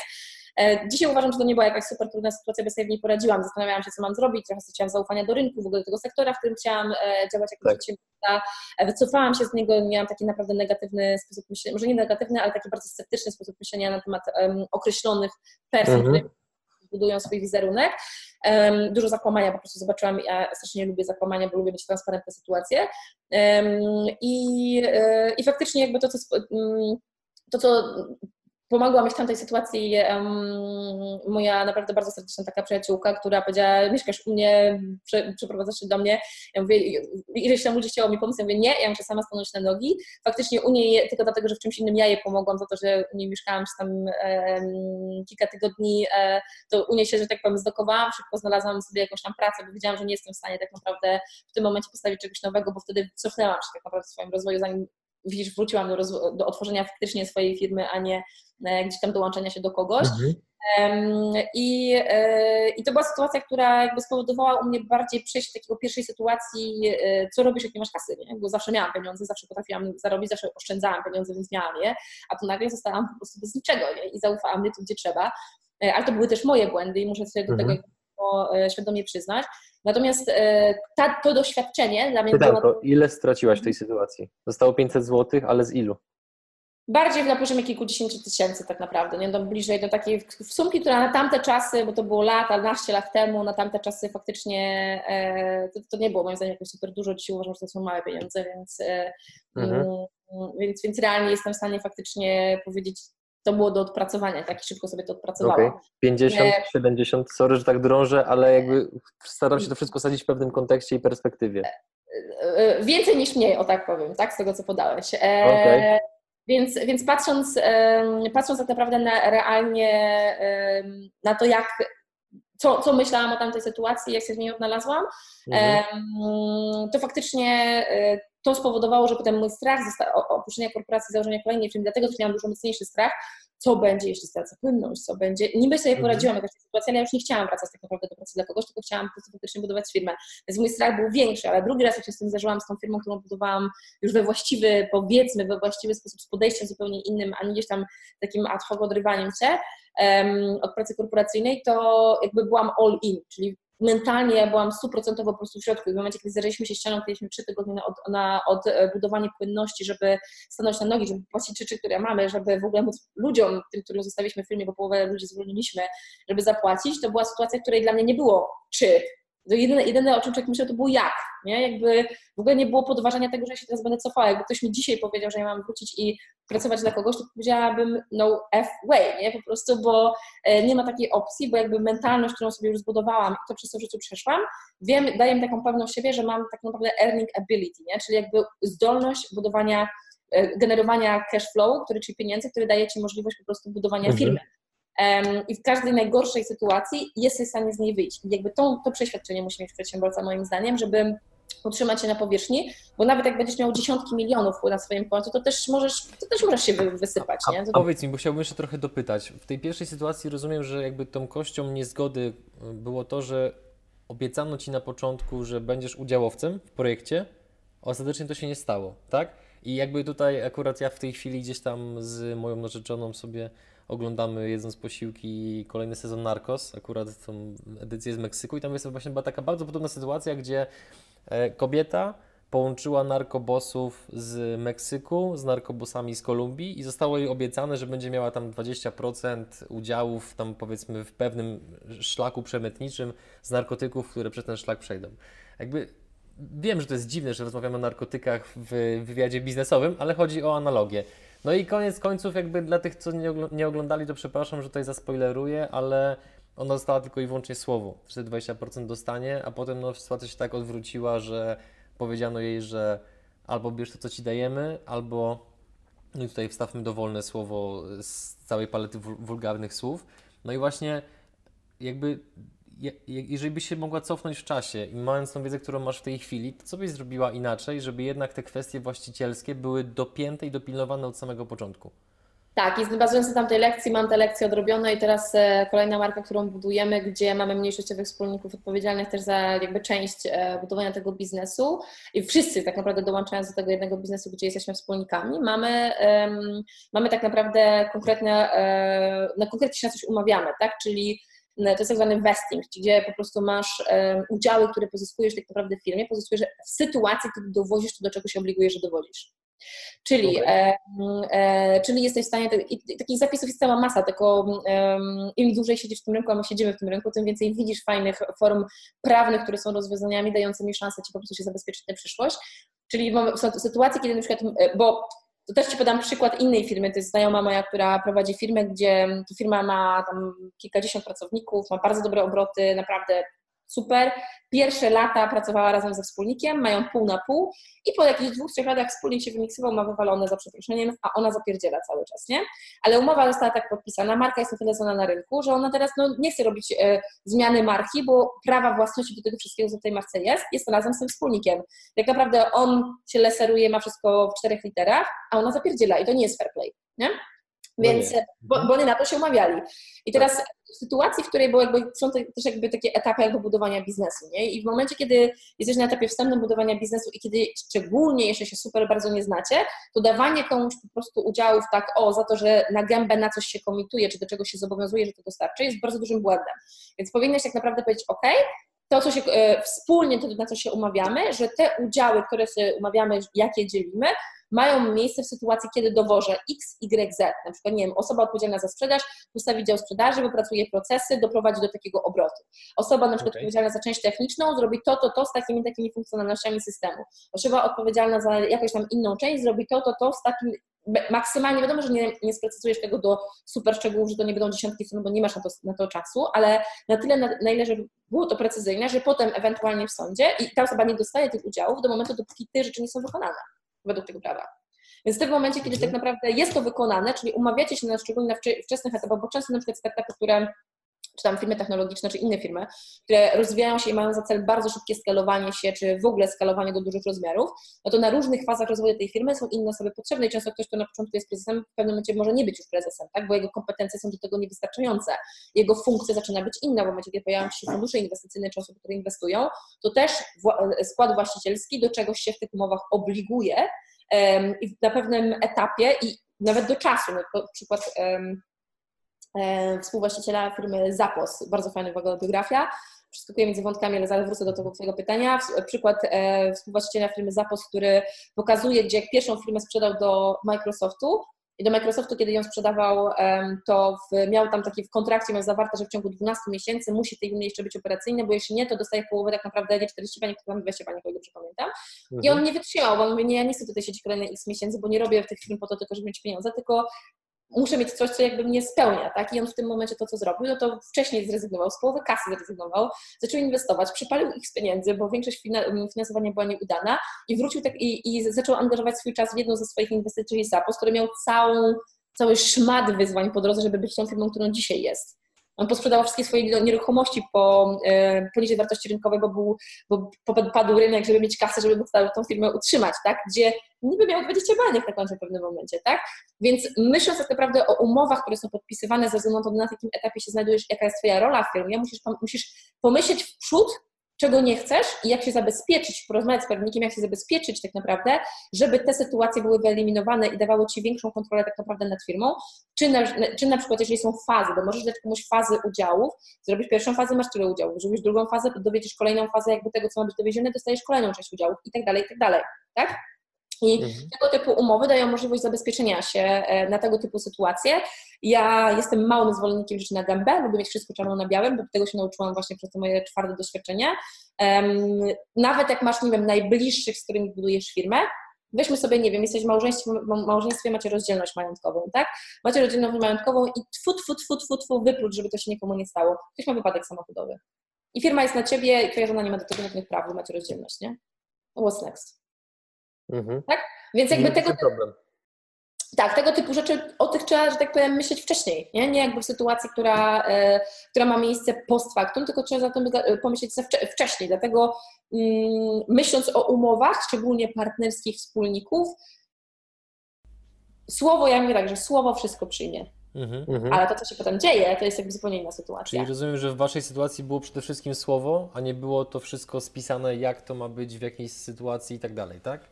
To, w to, co powiedziałam tutaj da naście do temu sytuacji, tak. Tak, tak, tak. dokładnie. I, I na pewno założenia, powiedzmy, wiesz, byłam traktowana tak, jakby ktoś po prostu wszystko wiedział najlepiej, co uważam, że było bardzo błędne e, aha. Um, a zupełnie na to się umawialiśmy, tak? No i bardzo dużo targ z tego wyszło, więc e, więc wiesz, pamiętaj, że ta sama komunikacja, pewnie to wiesz, nie, że ta sama komunikacja powiedziana przez jedną osobę jest zupełnie inaczej interpretowana przez kogoś innego, więc trzeba zejść do poziomu szczegółu. Um, tak się tak uśmiecham, bo już miałem tyle razy, powiedzmy, żenujące sytuacje, gdzie moja interpretacja była zupełnie inna, że potem no, czułem się po prostu idiotycznie, bo moja reakcja była totalnie nieadekwatna do intencji drugiej osoby, no i zwyczajnie trzeba było po prostu przeprosić, nie? Tak, tak, dokładnie. Nie? Więc jakby i to samo jest właśnie wiesz, we współpracach w biznesie jak wszędzie. No, to jest mhm, wciąż -hmm. komunikacja, jakby nie patrzeć. Dlaczego w takim razie przedsiębiorcy tak chętnie, z czym ja się bardzo często spotykam, a propos udziałów, siadają przy stole i mówią, no to słuchaj, ty 20, ty 15, ty 25, bo to, to, to, tamto, idą do prawnika i zakładają. Jakby no, to, co ty mówisz, jest totalnym odwróceniem tego procesu, z którym ja się zresztą też osobiście zgadzam, bo już przerabiałem bycie w jednej spółce i wyjście z tej spółki z wszelkimi możliwymi do wyobrażenia konsekwencjami, często wynikającymi z mojej po prostu głupoty, niedoświadczenia e, i jakichś tam powiedzmy emocjonalnych reakcji. Natomiast no, wciąż widzę, że właśnie wielu przedsiębiorców to podchodzi bardziej na takiej zasadzie, że e, oceniają wkład w dany projekt, zanim ten wkład w ogóle jeszcze zostanie zrealizowany. Tak, a właśnie wiesz, klucz jest, ja myślę, że to jest brak doświadczenia, dlaczego ludzie w ten sposób robią, tak, bo um, jakbyś zobaczył, jak ja na przykład negocjowałam warunki w momencie, kiedy, um, ci podam taki przykład, że chłopaki mnie nie, nie zabiją za ten przykład, um, no są jakieś nasze rzeczy wewnętrzne, to nie będę mówiła jaka marka, o tak powiem. Tak jakby jedna z naszych świeższych marek, które mamy u nas w portfolio, gdzie do stołu tak naprawdę usiadły, usiedliśmy my, nasza trójka, bo my jako piaski zawsze jesteśmy razem, my to jesteśmy takie jedno słowo e, i, i zazwyczaj mm, zbieramy, czyli do takich negocjacji, tak naprawdę warunków współpracy, która na początku musi być tak naprawdę przejść przez ileś czeków, czyli my nie, my, my mamy dzisiaj, na przykład mówiąc ten przykład, który mówisz, mamy bardzo dużo propozycji, weźmy na udziały, coś z nami zrób, bo sam fakt tego, że jesteśmy w takim rynku, a nie innym, gdzie jesteśmy w rynku startupowym, gdzie uczymy też przedsiębiorczości, gdzie, um, gdzie wiesz, gdzie networkujemy ze sobą ludzi, czyli łączymy, czy to, co robimy, powoduje, że jakby możliwości przechodzenia tych propozycji non-stop się pojawiają i ci ludzie non do nas przychodzą, tak, jakby z propozycjami, e, a to weź, nie wiem, zrób, postaw mi sprzedaż, albo zrób mi to, ja ci dam udziały, i tak co sekundę coś jest. Ja, ja mam kilka propozycji e, średnio w tygodniu, i my, my konsekwentnie odmawiamy. Mówimy nie, nie, nie, nie, nie, dlatego że nie możesz robić wszystkiego, tylko musisz się skupić tak naprawdę na kilku rzeczach, jest coraz rozpędzone. Jest zespół, są osoby, które to lidują, to dobre możesz się brać za kolejną rzecz, tak? a jeszcze nie jesteśmy na etapie takiego typowego venture, które produkuje po kilka projektów rocznie, tylko chociaż jak sobie patrzymy na historię, to faktycznie można by było tak powiedzieć, ale... To muszę powiedzieć, no. Tak, bo, bo teraz to już jest e, raz, dwa, trzy, cztery, no są to takie cztery marki, które są faktycznie, a w jednej są jeszcze trzy linie, no to, to faktycznie trochę tego jest, więc um, Natomiast patrząc na, na, na to, w jaki sposób siadamy do stołu, czyli to, gdzie się połączyliśmy, zaczęliśmy markę budować e, jedną na początku tego roku, to my to robiliśmy, oni to robili. E, I e, gdzieś mieliśmy inne punkty styku, bo się docieraliśmy przez rok czasu, poznawaliśmy się w innym obszarze współpracy, gdzie zresztą już współpracowaliśmy, więc mieliśmy mm, zrozumienie, wiesz, z kim mamy do czynienia tak naprawdę po jednej i po drugiej stronie. I jak siedliśmy do stołu, zaczęliśmy negocjować, to ja nigdy nie siadam do negocjacji tak, o dobra, to tak sobie tam podzielmy, to robisz to, to robisz tamto. Ja mam przygotowaną po prostu armatę e, argumentów, ja mam przygotowane dokładnie, jak mają wyglądać. Ja, ja nie, w ogóle nie rozmawiam o jakichkolwiek udziałach w momencie, kiedy nie wiemy, za to, kto za co ma być odpowiedzialny, kto co ma zrobić, jakie mają być obroty, jaką wartość realnie ta osoba do tej spółki wnosi. Czyli mhm. na przykład myśląc o tym, jak chcę zdarzyć, czy my mamy tą samą wizję w ogóle tej firmy, bo być może w ogóle nie mamy tej samej wizji tej firmy, nie jakieś tam e, trutu tutu przy piwie jakimś barze, to mają być normalne negocjacje, tak? I nieważne, czy to jest twój kumpel, z którym się znasz 20 lat, czy ktoś, z którym się znasz 5 lat, jeżeli tego nie dogadasz, to potem masz problemy, tak jak powiedziałeś, masz problemy wychodzenia z takich spółek, jest to okupione, okupione czasem, który poświęciłeś, pieniędzmi, nerwami i często straconymi relacjami, które są totalnie bez sensu, tak? I Absolutnie, tak. Więc w takiej sytuacji pierwsze pytanie, tak jak pamiętam, że ci nasi wspólnicy się mówią, dobra, to zróbmy coś razem, tutaj ty, ja mówię, posłuchajcie, do czegokolwiek usiądziemy, to poproszę przygotujcie plan finansowy, jak wy to widzicie, do czego chcecie dojść, w jakim, w jakim, w jakim momencie. Ja my przygotujemy po swojej stronie, sobie to zderzymy, że czy się widzimy w ogóle w tym samym punkcie, czy nie. Następnie tak naprawdę e, chciałabym zrozumieć, za co chcecie wziąć odpowiedzialność, co chcecie dowiedzieć w jakim czasie, jaką wartość już do tej pory zbudowaliście, czyli co, co do tej pory zrobiliście, co my do tej pory zrobiliśmy, żeby ocenić po prostu, czy jest szansa na łączenie się, czy nie i, i kto z jaką realną wartością przechodzi, jak wygląda kwestia finansowania firmy na przykład, tak? E, kto, czy, no bo być może się okaże, że jedną z wartości to jest finansowanie, bo ty dorzucasz, a nie ktoś inny dorzuca, ktoś dorzuca więcej czasu, czy realnie kto jaki czas poświęca, za co bierze odpowiedzialność, co dowieść w jakim czasie, jak wyglądają finanse, jak widzę finanse tej firmy, jeżeli chodzi o obroty, do jakich ma dojść, w jakim czasie, jakie linie, jakie kanały, jaka wizja jest tej firmy, tak? I to trzeba zderzyć. I dla mnie taki warsztat po prostu, zanim my weszliśmy we współpracę i połączyliśmy się w jednej marce, to trwało u nas z miesiąc czasu od pierwszych rozmów, e, dwóch warsztatów, które były praktycznie całodniowe, żebyśmy zderzyć bardzo, ja, ja chciałam mieć czarno na białym, to, czy my się w ogóle widzimy we współpracy, czy nie. I co jest ciekawe, do jednego z tych wspólników od samego początku miałam, i ja mówiłam, ja mówię, ja jego nie chcę w tej spółce. Ja powiedziałam, ja tej osoby nie chcę w tej spółce, bo ta osoba moim zdaniem nic nie wnosi wartościowego do tej spółki, czego nie można kupić na rynku tak naprawdę bardzo łopatologicznie do tego podchodząc. No i e, ta druga osoba, który, którą chciałam, żeby była w spółce, bo widziałam, że i z którą się chciałam połączyć, która widziałam, że gigantyczną wartość wnosi tak naprawdę e, pod, pod kątem, wiesz, e, zrozumienia tego biznesu i kierunku, w jakim się ten produkt będzie rozwijał i wielu innych aspektów.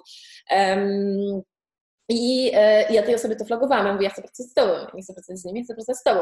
E, I, i, on, I faktycznie mieliśmy bardzo dużo iteracji w tym temacie, i finalnie powiedział, ok, jakby ja biorę za tą część odpowiedzialności jakby z tej puli, którą omawiamy, to jest on me, jak, że tak powiem. E, natomiast ja po prostu, ta osoba była pod moją lupą e, i ja w ciągu trzech miesięcy, trzech miesięcy pożegnałam tę osobę z tej spółki. Bo jakby zebrałam mhm. sobie fakty, które już widziałam wcześniej, bo im więcej masz doświadczenia w biznesie, tym pewne rzeczy jesteś w stanie zauważyć już po rozmowie, wychwytujesz dziesiątki czy setki osób przejdą przez Twoje ręce w jakiś sposób, czy to współpracując, czy partnerując, czy jako klient, czy jako pracownik, to masz bardzo, widzisz w ludziach pewne rzeczy po prostu, tak? A jeszcze jak ktoś ma naturalnie większą, ja na przykład jestem taką osobą, która ona zajmuje się rekrutacją, nie zawsze ona jest e, idealna, tak? Oczywiście zdarzają się nadal błędy, e, bo pewne rzeczy nie, nie, nie jesteś w stanie wychwycić, ale to jest zawsze, że tak powiem, mniej, nie więcej i już wiele rzeczy się nauczyłam na temat rekrutacji w swoim życiu. Natomiast biorąc pod uwagę to w jaki sposób tak naprawdę pewne rzeczy widzisz, tak, to ja już to widziałam, mhm. to mi nie będzie pasowało i trzy miesiące mi tylko to potwierdziły. I się finalnie, i finalnie wszystkich osób ja zabrałam z tej strony, no, zobaczcie, A, B, C, D, pach, pach, pach, pach, pach, taki, taki ten plan widzę, w ten, ten sposób się żegnamy. I po prostu e, i się pożegnaliśmy z tą jedną osobą z tej spółki. Jedna została i nagle firma zaczęła szybko iść do góry.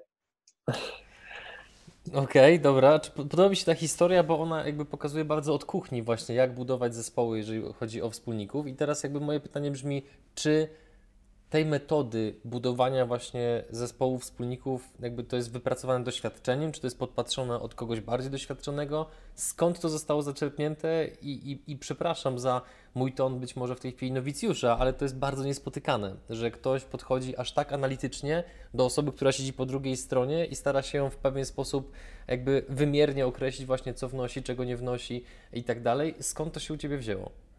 Ja myślę, że to 80% to jest doświadczenie, 20% to jest cały czas czerpanie wiedzy z zewnątrz.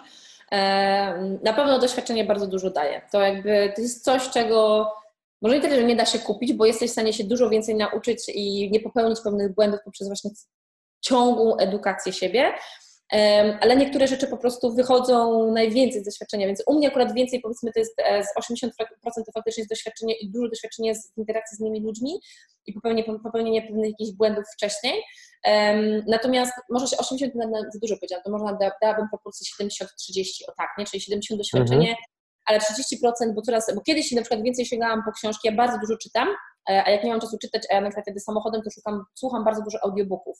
E, I mnie interesują, pierwsza faza dziś mojego, mojego wzrostu, jak sobie pomyślę o takich pierwszych latach studiów, pierwszych latach działania w biznesie też dla kogoś, to była faza, w której dużo czytałam książek o marketingu, o psychologii, o sprzedaży, umiejętności wpływania na drugich ludzi, takie personality types, czyli typy, typy osobowości, takie mhm. dużo bardziej, czy kwestie, które są właśnie związane z getting things done, to jest taka książka, czyli jak e, produktywnie pracować, tak? Czyli bardziej takie rzeczy, które były, um, uczyły mnie szeroko tego, jak operować efektywnie. Dzisiaj i od e, kilku lat najwięcej takiego wysiłku um, że powiedziałabym, że tam to były bardziej poradniki, tak, nawet praktyków, ale poradniki w poszczególnych obszarach biznesowych. W mhm. tym momencie, okay, dalej się uczę, jeżeli chodzi na przykład o marketing, to się cały czas zmienia i cały czas jakby po to sięgam, bo tu się non-stop coś zmienia, ale nie jestem headem, jest Marek, ja bardziej to umiem pod kątem zrozumienia tego, co, dlaczego, po co, jak to się łączy ze sprzedażą, bardziej pod kątem procesowym e, i dużo inwestujemy sami w kursy, e, które i my odsłukujemy, i nasz zespół odsłukuje i bardzo dużo szczególnie na przykład jeżeli chodzi o marketing, inwestujemy też za granicą w kursy, jeździmy na różne wydarzenia. Natomiast jeżeli chodzi o kwestię mm, tego, o co zapytałeś konkretnie, czy takich, takich case'ów, takich przypadków przedsiębiorców, ja po prostu pochłaniam bardzo dużo biografii. E, jest kilka takich biografii, które no po prostu tyle, ja po prostu one, i one raz, że mega zapadają w głowie, bo to są realne historie, e, a dwa, one e, naprawdę to jest coś, czego nie przeczytasz w poradniku. To jest coś, co po prostu ten człowiek... To jest samo życie. To jest samo życie, nie? I to jest jakby jego mhm. historia, jest historią, w której po prostu jest cała masa smaczków. Takimi historiami, nie wiem, czy chcesz kilka takich przykładów książek, bo... Proszę, tak, tak, oczywiście. Na przykład e, jedną z najlepiej, naprawdę najlepszych książek jest zawsze o niej mówię, bo to jest um, Hard Things About Hard Things. Polecam w ogóle po angielsku słuchanie, bo po polsku naprawdę jest dużo mniej. To jest jakby o tak, tyle w porównaniu do tego, ile po angielsku można na świetnych pozycji znaleźć. Um, to patrząc na przykład Hard Things About Hard Things, to jest historia um, założyciela jednego z najbardziej znanych funduszy e, w Silicon Valley inwestycyjnych, który opowiada swoją historię pierwszej firmy, to jak dobry kryminał się po prostu przez to przechodzi, nie? Bo e, on tam prawie, że żona zmarła, po prostu jakiś taki miał no, jazzy, który on miał i to jak walczył, żeby firma przeżyła i żeby on po prostu z dziesiątek, nie kilku, dziesiątek e, ludzi, których musiał zwalniać i e, z wizją po prostu rozbicia się od ściany, jak zbierał finansowanie na rynku w momencie, kiedy po prostu cały rynek szedł w dół i cały bubble, cała ta panika startupowa się technologiczna po prostu wykrzaczyła.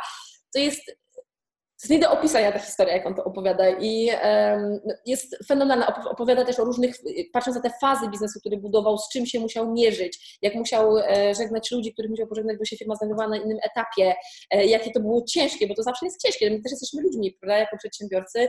I sytuacja, gdzie musisz podejmować decyzje, nie wiem, żeby kogoś zwolnić albo żeby kogoś, albo no, biznes czegoś już wymaga i ty musisz te decyzje ciężkie podjąć, no to sorry, ale no nie jest to łatwe, tak? I ktoś z zewnątrz może widzieć tylko jedną perspektywę, ale bardzo rzadko się widzi tą perspektywę przedsiębiorcy, przez jaki hardcore on przychodzi i ile emocji jego to kosztuje, żeby się zderzyć z sytuacją, którą ma, nie? Więc... Mhm. To chyba był Ben Horowitz, autor tej książki. Tak, tak, tak. Nie, nie czytałem, ale słyszałem wiele dobrego. To, to moim zdaniem to jest obowiązkowa pozycja dla, na liście przedsiębiorców. Um, kolejna taka bardzo fajna biografia to jest, e, czy bio, nie, często się firmy te, te, książki nie nazywają biografią, tylko się nazywają właśnie, mają jakiś tam tytuł, ale to tak naprawdę jest jakaś tam historia i biografia ich. E, to jest właśnie historia założyciela Nike.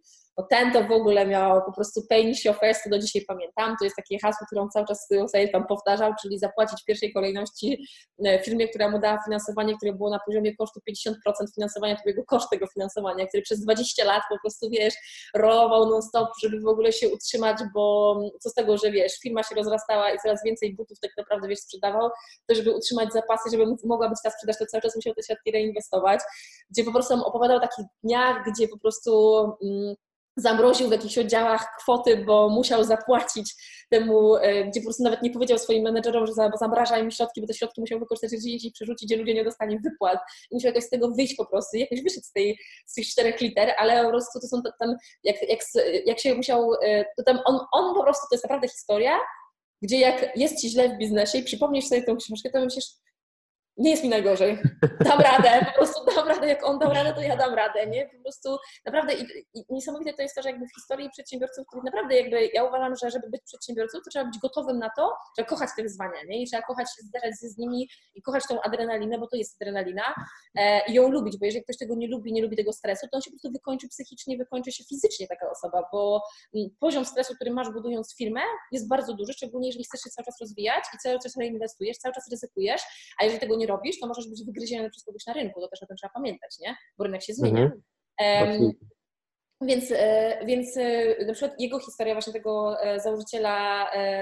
Steel Knight chyba. Tak. tak, tak, dokładnie. To, e, to on po prostu opowiada tę historię w taki sposób, gdzie po prostu patrzysz, że już chyba więcej po prostu człowiek nie mógł mieć po drodze, naprawdę.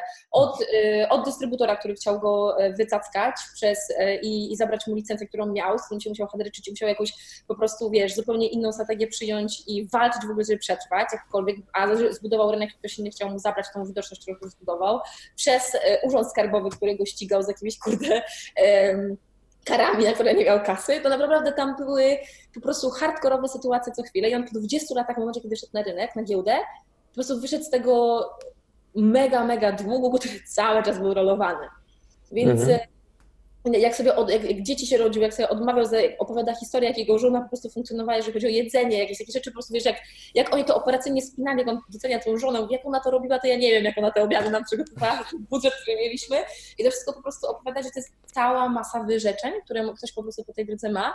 I często tak naprawdę mówię, jakby ktoś, kto wchodzi w drogę przedsiębiorcy, tego nie rozumie, mm, może się zderzyć z tą ścianą, jeżeli szybko rezygnuje, no to to jest, to jest źle, tak, bo powtarza się, te jak slogany są cały czas powtarzane, tak, że tak jak tam Einstein, czy Bell, czy inni, którzy nas cały czas próbowali, tysiąc prób, aż w końcu znajdziesz, tak, no, będąc przedsiębiorcą musisz być mega, mega wytrwały, więc ja e, myśląc o, to, o tym, wracając do twojego korowego pytania, czy tego głównego pytania, które mi zadałeś, tak, e, bardzo dużo czytam takich biografii. E, kolejna, teraz właśnie przechodzę przez Delivering Happiness, gdzie wcześniej opowiedziałam tę historię, gdzie jeden z założycieli, bardziej on wszedł jako inwestor, a później zaczął rozwijać razem tą firmę, bo wyprowadził wszystkie jego inwestycje, były przepalone e, i stracił kasę tak naprawdę i musiał wyprzedawać nieruchomości, żeby sfinansować tą firmę, żeby utrzymać się w ogóle. Ludzie, pracownicy musiał począć pensję ludziom, ludzie, ludzi, ileś ludzi zaczęło jego w mieszkaniu mieszkać, bo firma była w takiej sytuacji, że e, prawie, że, że tak powiem, się wywaliła kilkukrotnie, fundusz miał zainwestować, nie, za, nie, nie zainwestował, e, nie mieli z czego nawet marketingu sfinansować, a dzisiaj są gigantyczną firmą, takiej jakby te wyzwania tak naprawdę bardzo często coś ciekawe, że te wyzwania budują mega pomysły, e, bo nagle zaczynasz inaczej myśleć, bo sytuacji, w której się znajdujesz, tak jak my w sytuacji, w której się znaleźliśmy takie lat temu, kiedy powstał Wolves, musimy sobie odpowiedzieć na pytanie, co możemy zrobić z tym, co umiemy, z tym, co już wiemy, że umiemy, e, żeby wygenerować szybko cash, gdzie z porażki własnej jako startup technologiczny E, zrobiliśmy sukces, tak? Bo jakby ucząc się tego, co dla nas było największym problemem, zrobiliśmy rozwiązanie na rynku. I e, tak samo ten Delivering Happiness o, o, opowiada niesamowicie historię, gdzie oni dzisiaj są jako firma znani z tego, że mają niesamowity customer service. Um, to, to jest, tak. to jest ten ich wyróżnik na rynku, który powoduje, że mają tak duży sukces. I oni do tego doszli przez to, że nie mieli hajsu na marketing, nie mieli tego, każdy tej gotówki na marketing i powiedzieli, dobra, to żeby wybudować gotówkę, co możemy zrobić? Tam opowiada się sytuacja, jak poszli na piwo czy na drinka, do baru siedli, zaczęli sobie gadać dwóch wspólników na porządku cisza, cisza, no później zaczynają e, zderzać pomysły, gdzie e, powiedzieli, dobra, no to musimy jakoś wygenerować więcej pieniędzy z tych klientów, których już mamy. Więc jak możemy to zrobić? Kolejne pytanie, tak? Czyli nie czy tylko jak, pytanie cały czas. I się okazało, że de facto byli w stanie zbudować po prostu gigantyczną firmę właśnie w tym momencie, kiedy postawili na customer service, kiedy zmienili podejście do customer service'u, który okazał się po prostu strzałem dziesiątkę. Więc e, kolejna Książka, akurat polską książkę, którą mogę podać jako bardzo ciekawy przykład. E, jeszcze nie przeczytałam, mój, mój mąż ją przeczytał, mówi, musisz ją przeczytać, bo my tak e, zazwyczaj czytamy co innego i mówi, dobra, to jest warte, to jest warte, to, to musisz czytać, bo każdy z nas inaczej filtruje te informacje z tych książek, które, przez które przechodzi do innych wniosków mhm. To e, Lecha Kaniuka książka, który, gdzie to jest też serial entrepreneur, to jakby można... Siła pędu. Tak, Siła Pędu i Piotrek mówi, kurde, ta książka, jak ją przeczytał, mówi, jest jak, jak książka Hard Things About Hard Things, tak naprawdę patrząc na to, co tam mm -hmm. jest mhm. podawane. On pokazuje różne strategie, które były stosowane w firmach, dlaczego te firmy e, doszły. Pokazuje właśnie takie rozgrywki przejęć, wykupów, e, tak walczenia z konkurencją. I to, to jest, teraz mam tą książkę na liście jakby jednych z priorytetów, przez które przechodzę w grudniu, bo ja po prostu konsumuję, uważam, że jako przedsiębiorca nie możesz, nie stać się na to, żeby się nie uczyć. Po prostu nie stać się na to. Jeżeli się nie uczysz, uczysz się tylko i wyłącznie z własnych błędów, to bardzo mhm. wolno będziesz się rozwijał, jak również um, niestety popełnisz wiele błędów, które dla Ciebie będą bardzo kosztowne, a mógłbyś ich uniknąć. Nie? I, to, I to jest właśnie to. Dlatego e, wyjmij ten czas, którego uważasz, że nie masz, bo zapierdzielasz non-stop 2-4 dycha na dobę, prawie że 7 dni w tygodniu i cały czas gonisz swój ogon. Wyjmij ten czas, wręcz obetnij to, co robisz, bo masz naprawdę, jak się dobrze na tym zastanowisz, to masz na to przestrzeń i włóż przynajmniej określoną ilość godzin w tygodniu na to, żeby się uczyć. Tak? Czyli żeby czytać książki, żeby korzystać z kursów ludzi, którzy są kilka kroków przed tobą, nie ludzi, którzy są tysiąc kroków przed tobą, bo zazwyczaj tej informacji nie wykorzystasz na tym etapie, na którym się znajdujesz. Znajdź po prostu ludzi, którzy są kilka kroków przed tobą i modeluj to, co robią, to, co działa, co może zadziałać u ciebie. Nie? Mhm. I wtedy po prostu e, jesteś w stanie naprawdę zaoszczędzić kupę pieniędzy, kupę czasu i dużo szybciej się rozwijać. Tak ja uważam. Życzyłbym sobie, żeby wszyscy goście, których zapraszam do programu, tak chętnie dzielili się informacjami jak ty, bo to dla mnie potem jako dla prowadzącego to jest no, bardzo łatwa i przyjemna rola, no bo ty jakby zadajcie jedno pytanie, odpowiadasz tymi na pięć kolejnych, które sobie przygotowałem, więc ten, ten, ten prompter już jest bezużyteczny. Natomiast dokładając taką jakby... Mhm. Tak, dokładając jakby moją skromną opinię do opinii twojego męża, to również podpisuję się pod tym, że Siła Pędu to jest niezwykle ciekawa książka. Akurat jak byliśmy właśnie w miesiąc albo dwa miesiące temu w Gruzji, robiąc materiał dla, o, o, jednym przedsiębiorcy, to właśnie miałem okazję tę książkę czytać. No i to jest taki dobry thriller biznesowy, pokazujący niektóre takie sytuacje, które no mnie osobiście gdzieś tam powiedzmy no bardzo ciekawią właśnie jak osoby się powiedzmy zachowują w takiej sytuacji, w której powiedzmy trzeba zwolnić 500 osób, co jest no jakby no ogromnym ciążeniem emocjonalnym. Ja też tutaj jakby dodam od siebie, że a propos takich właśnie biografii biznesowych pokazujących historię, to ja też na przykład bardzo dobrze wspominam książkę Wojny konsolowe, pokazującej jak starły się tam lata temu marki Nintendo oraz e, Sega, dobrze mówię? Sega? Sega, prawda? Tak. Sega. I no właśnie jakby jak, jak cały w ogóle ten rynek konsolowy się rozwijał, no, na którym w tej chwili głównie prym wiedzie no i PlayStation i powiedzmy Xbox, które w tamtym czasie w ogóle nie istniały. Natomiast przechodząc do kolejnego pytania, bo zahaczyłaś troszeczkę o rekrutację. Czym Oczywiście, no jakby ja wiem, że różnica będzie kolosalna, dlatego też to, to, to, to pytanie jest celowe. Czym różni się, bądź różniło się zatrudnienie oraz zwolnienie przez Ciebie pierwszego pracownika versus ostatnie zatrudnienie i zwolnienie? Jak bardzo te procesy były różne między sobą? że zatrudnienie pierwszego domu musiałam sobie przypomnieć, co to było, bo nawet nie pamiętam, jeśli mam być szczera, musiałam sobie dobrze przypomnieć okay. Kilka lat temu.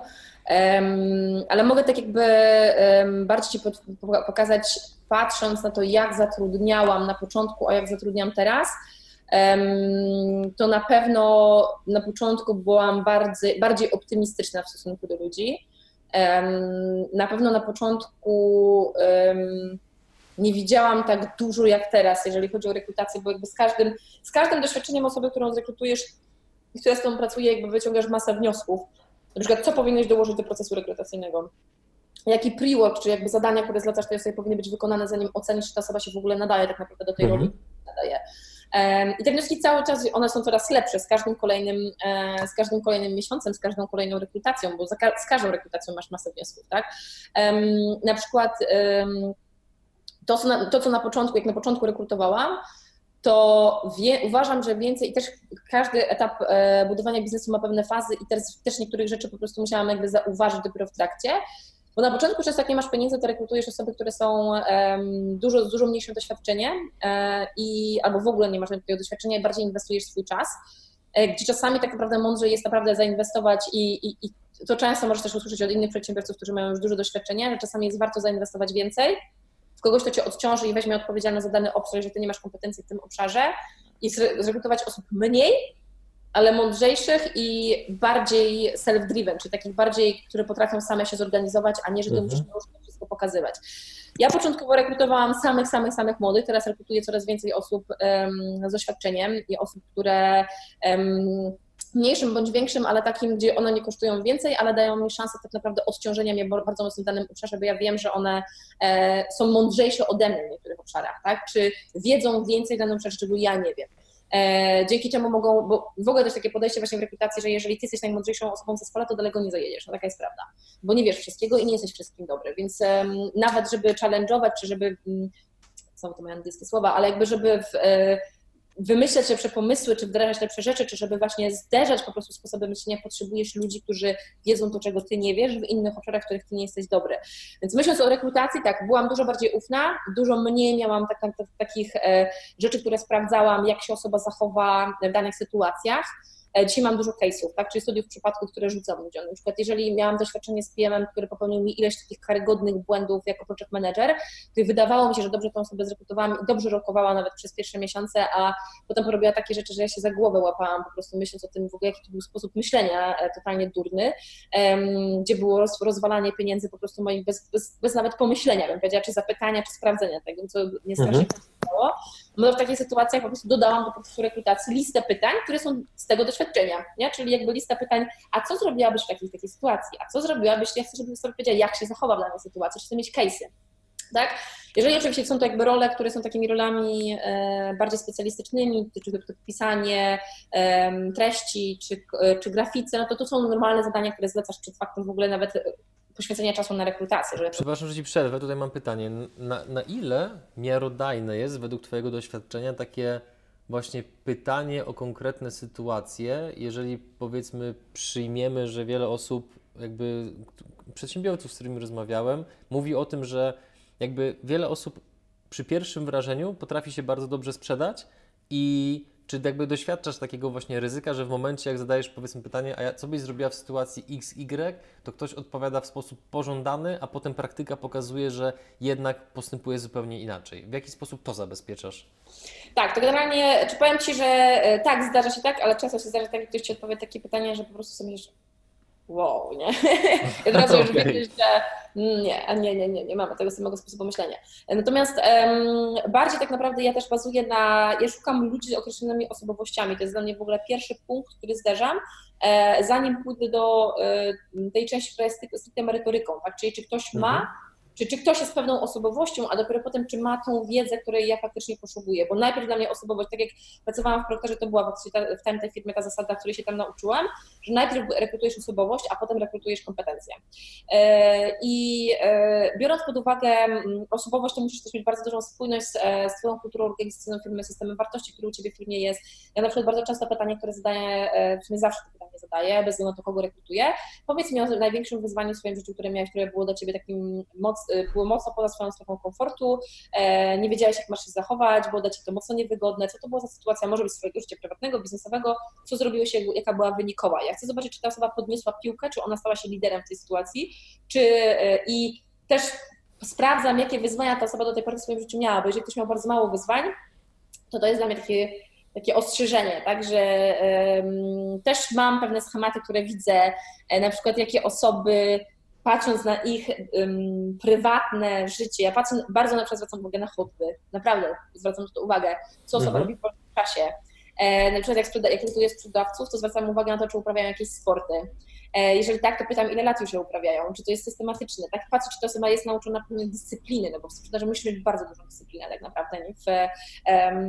w tej pracy, którą wykonujesz. Więc zwracam uwagę na wiele dodatkowych elementów jakby osobowości, której szukam, jeżeli chodzi o, to, o te wyzwania, to pozwala mi zrozumieć, jaki jest sposób myślenia osoby przy wyzwaniach, czy jakieś totalnie płytką, czy byle jaką rzecz mi podaje, czy faktycznie zderzyła się w swoim życiu sytuacjami, gdzie nie było jej łatwo, ale ona zamiast się, wiesz, e, załamywać, to się podniosła i poszła dalej, tak? Czyli mhm e, zwalczyła to, bo ja szukam silnych charakterów. Ja ludzie, szukam ludzi, którzy nie będą, wiesz, po pierwszym feedbacku, który dostaną, płakać i załamywać się i, i się trząść, tylko którzy powiedzą, dobra, może nie są łatwe do przyjęcia, ale wiesz, otrzepią się, powiedzą, dobra, okej, okay, z tym się zgadzam, z tym się nie zgadzam, taką mam argumentację i pójdą dalej do przodu, nie? Więc e, takich ludzi mhm. szukam. etapie, na którym my się znajdujemy, gdzie nas jest około 50 osób, tak naprawdę, no to ja nie mam czasu na to, żeby pieścić się z kimś przez pół roku, bo nie mam na to czasu po prostu. Ja potrzebuję mieć ludzi, którzy są silni tak, w, w tym zespole. Mhm. W korporacjach, gdzie masz, wiesz, tysiące osób, być może te słabsze jednostki się gdzieś tam przyślizgają i będą, będą pracowały tą swoją powtarzalną pracę wykonywały. No, ja sobie na takie coś po prostu w tym momencie nie mogę pozwolić, tak? I wiem, jak pracowałam w korporacjach, mając 250 osób, które w różnych projektach, gdzieś w różnych um, regionach wykonywały pracę i w całym jakby mm, serwisie, za który byłam odpowiedzialna, robiły pewne rzeczy, jak się tam pracowało, a jak się pracuje, kiedy budujesz swoją firmę, są pewne różnice, jeżeli chodzi o skalę, na której się znajdujesz na danym etapie. A wracając do co jeszcze możesz zrobić, e, jeżeli chodzi o takie mm, tipy tego, czyli takie wskazówki, co bym zrobiła, żeby nie była pewna, czy ta osoba faktycznie jest właściwą osobą, bardzo łatwa rzecz, odezwij się do poprzedniego pracodawcy, jeżeli y, rekrutujesz kogoś z doświadczeniem i zapytaj się go o opinię, zapytaj się, jak osoba się w danych sytuacjach zachowywała. Możesz to zrobić na LinkedInie, nie musisz mieć danego numeru telefonu, możesz też poprosić e, pracownika, którego chcesz zrekrutować o pytanie, z kim możesz się skontaktować z poprzedniej firmy na przykład, tak? w której jeżeli teraz pracujesz i nie możesz tu skontaktować, to z jeszcze poprzedniej na przykład firmy pewne rzeczy się naprawdę powtarzają, tak? I e, można je zaobserwować. Do mnie często też się odzywają na przykład osoby, które gdzieś tam kiedyś ktoś u mnie pracował i, i zdarzyło mi się powiedzieć, co jeżeli chcesz tą osobę do tego i tego, to w tym będzie dobra, ale do tego i tego to absolutnie ci nie rekomenduję, bo nie jest w tym mhm. mocna po prostu. To nie jest jakby jej e, kluczowy skill. I so, była osoba, która naprawdę w ciągu miesiąca u mnie nie wytrzymała, bo naprawdę zachowała się bardzo nieładnie i to było lata temu i e, ktoś się do mnie odezwał, ja mówię, ja absolutnie Ci nie rekomenduję rekrutowania tej osoby po prostu, bo ona ma zaburzony system wartości i jest nieszczera i po prostu kłamie, nie? I to tak kłamie ewidentnie. Um, i, I ja powiem to szczerze, żeby ktoś uniknął problemu z takim pracownikiem, bo jeżeli ktoś coś takiego robi, to też musi być wobec siebie fair play. To, to działa dwukierunkowo.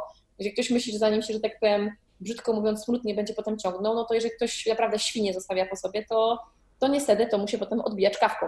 Nie każdy to mhm. będzie sprawdzał, ale niektórzy te rzeczy sprawdzają. Więc mhm warto jest um, zadzwonić i sprawdzić po prostu e, o opinię e, osoby, która już miała okazję z tą osobą pracować. Czy zawsze w 100% ona będzie e, relevant i adekwatna dla Ciebie? Może nie, bo może ta osoba powiedzmy, wiesz, zmienia rolę, czy idzie do innego obszaru, um, bądź chce zmienić swój kierunek jakby rozwoju, a wcześniej, nie wiem, zajmowała się marketingiem, a teraz chce się zajmować sprzedażą, tak? No to pod innym kątem tą osobę będziesz tak naprawdę sprawdzał u poprzedniego pracodawcy, bardziej jaka typu, typu to jest osobowość, tak? Czyli mhm. bardziej cechy, których na przykład pożądasz danej roli, którą, którą chcesz. Co jeszcze? Tak naprawdę na przykład w sprzedaży ja robię scenki, odgrywam scenki, czyli przechodzę przez x pytań, e, potem przechodzę do scenki, zobaczyć jaka osoba się zachowa tak naprawdę, jak da mi, e, jak zacznie mi sprzedawać ten produkt, który będzie docelowo sprzedawała, czy potrafi się odnaleźć w tym jako tako w rynku. Nie, nie oczekuje idealizmu, ale oczekuje tak naprawdę umiejętności też przyjęcia feedbacku, bo stopuje tą osobę, jak widzę, że idzie w złym kierunku. Mówię, ok, ja Ci teraz dam feedback, informację zwrotną i zrobimy to jeszcze raz, dobra? I jakby daję, co powinno być poprawione, dlaczego, buduję kontekst, a następnie robimy jeszcze raz scenkę. Jeżeli ktoś potrafi się w niej znaleźć i potrafi zaaplikować to, co usłyszał, może nie idealnie, ale czuje, że złapał, tak?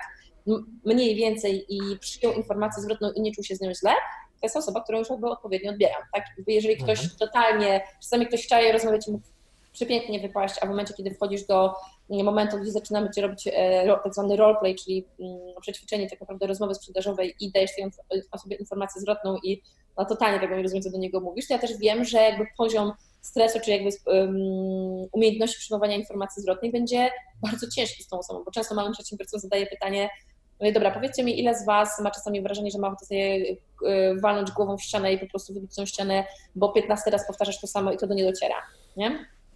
I to mhm. jest jakby trzymanie pracowników, którzy nie potrafią zaaplikować informacji zwrotnej. Ja mam taką zasadę, że jeżeli nawet taka osoba się prześliznęła przez rekrutację w ciągu pierwszego miesiąca czasu, ja widzę, że ona nie potrafi zaaplikować informacji zwrotnej, a poświęcamy jej czas, żeby raz, drugi, żeby zbudować kontekst, żeby ta osoba to zrozumiała i ja nie oczekuję, że na w 100% zrobi to idealnie, ale że już coś z tego wyłapie i już to zrobi lepiej. Każdy kolejny to, to będzie taki efekt kija, nie? czyli że idzie do góry e, ta tendencja. Jeżeli widzi, że jesteśmy płasko i nic się nie zmienia, to ja nie będę czekała dłużej niż miesiąc, a tą osobę zwolnię.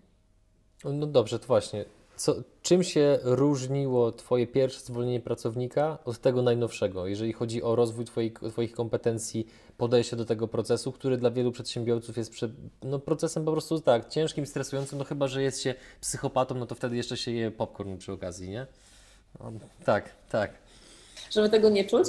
E, wiesz co, jakby pierwsze zwolnienie na pewno dla mnie było okupione dużą ilością energii. E, miałam Pamiętam właśnie, jak w tej pierwszej marce, co zwalnialiśmy, e, naprawdę na ponad połowę zespołu. No, to, było po prostu, wyobraź sobie sytuację, gdzie wchodzi osoba po osobie i wiesz, wszyscy wiedzą, że coś się dzieje w filmie, bo jakby my w otwarte karty tam graliśmy i, osoby nie wiedzą, czy zostaną, czy nie. I tak wchodzi jedna osoba po drugiej po prostu, gdzie no, nie zwolniałam grupowo, mówiąc, wy odpadacie, wystajecie, bo to, to było bardzo nie w porządku w stosunku do, do osób.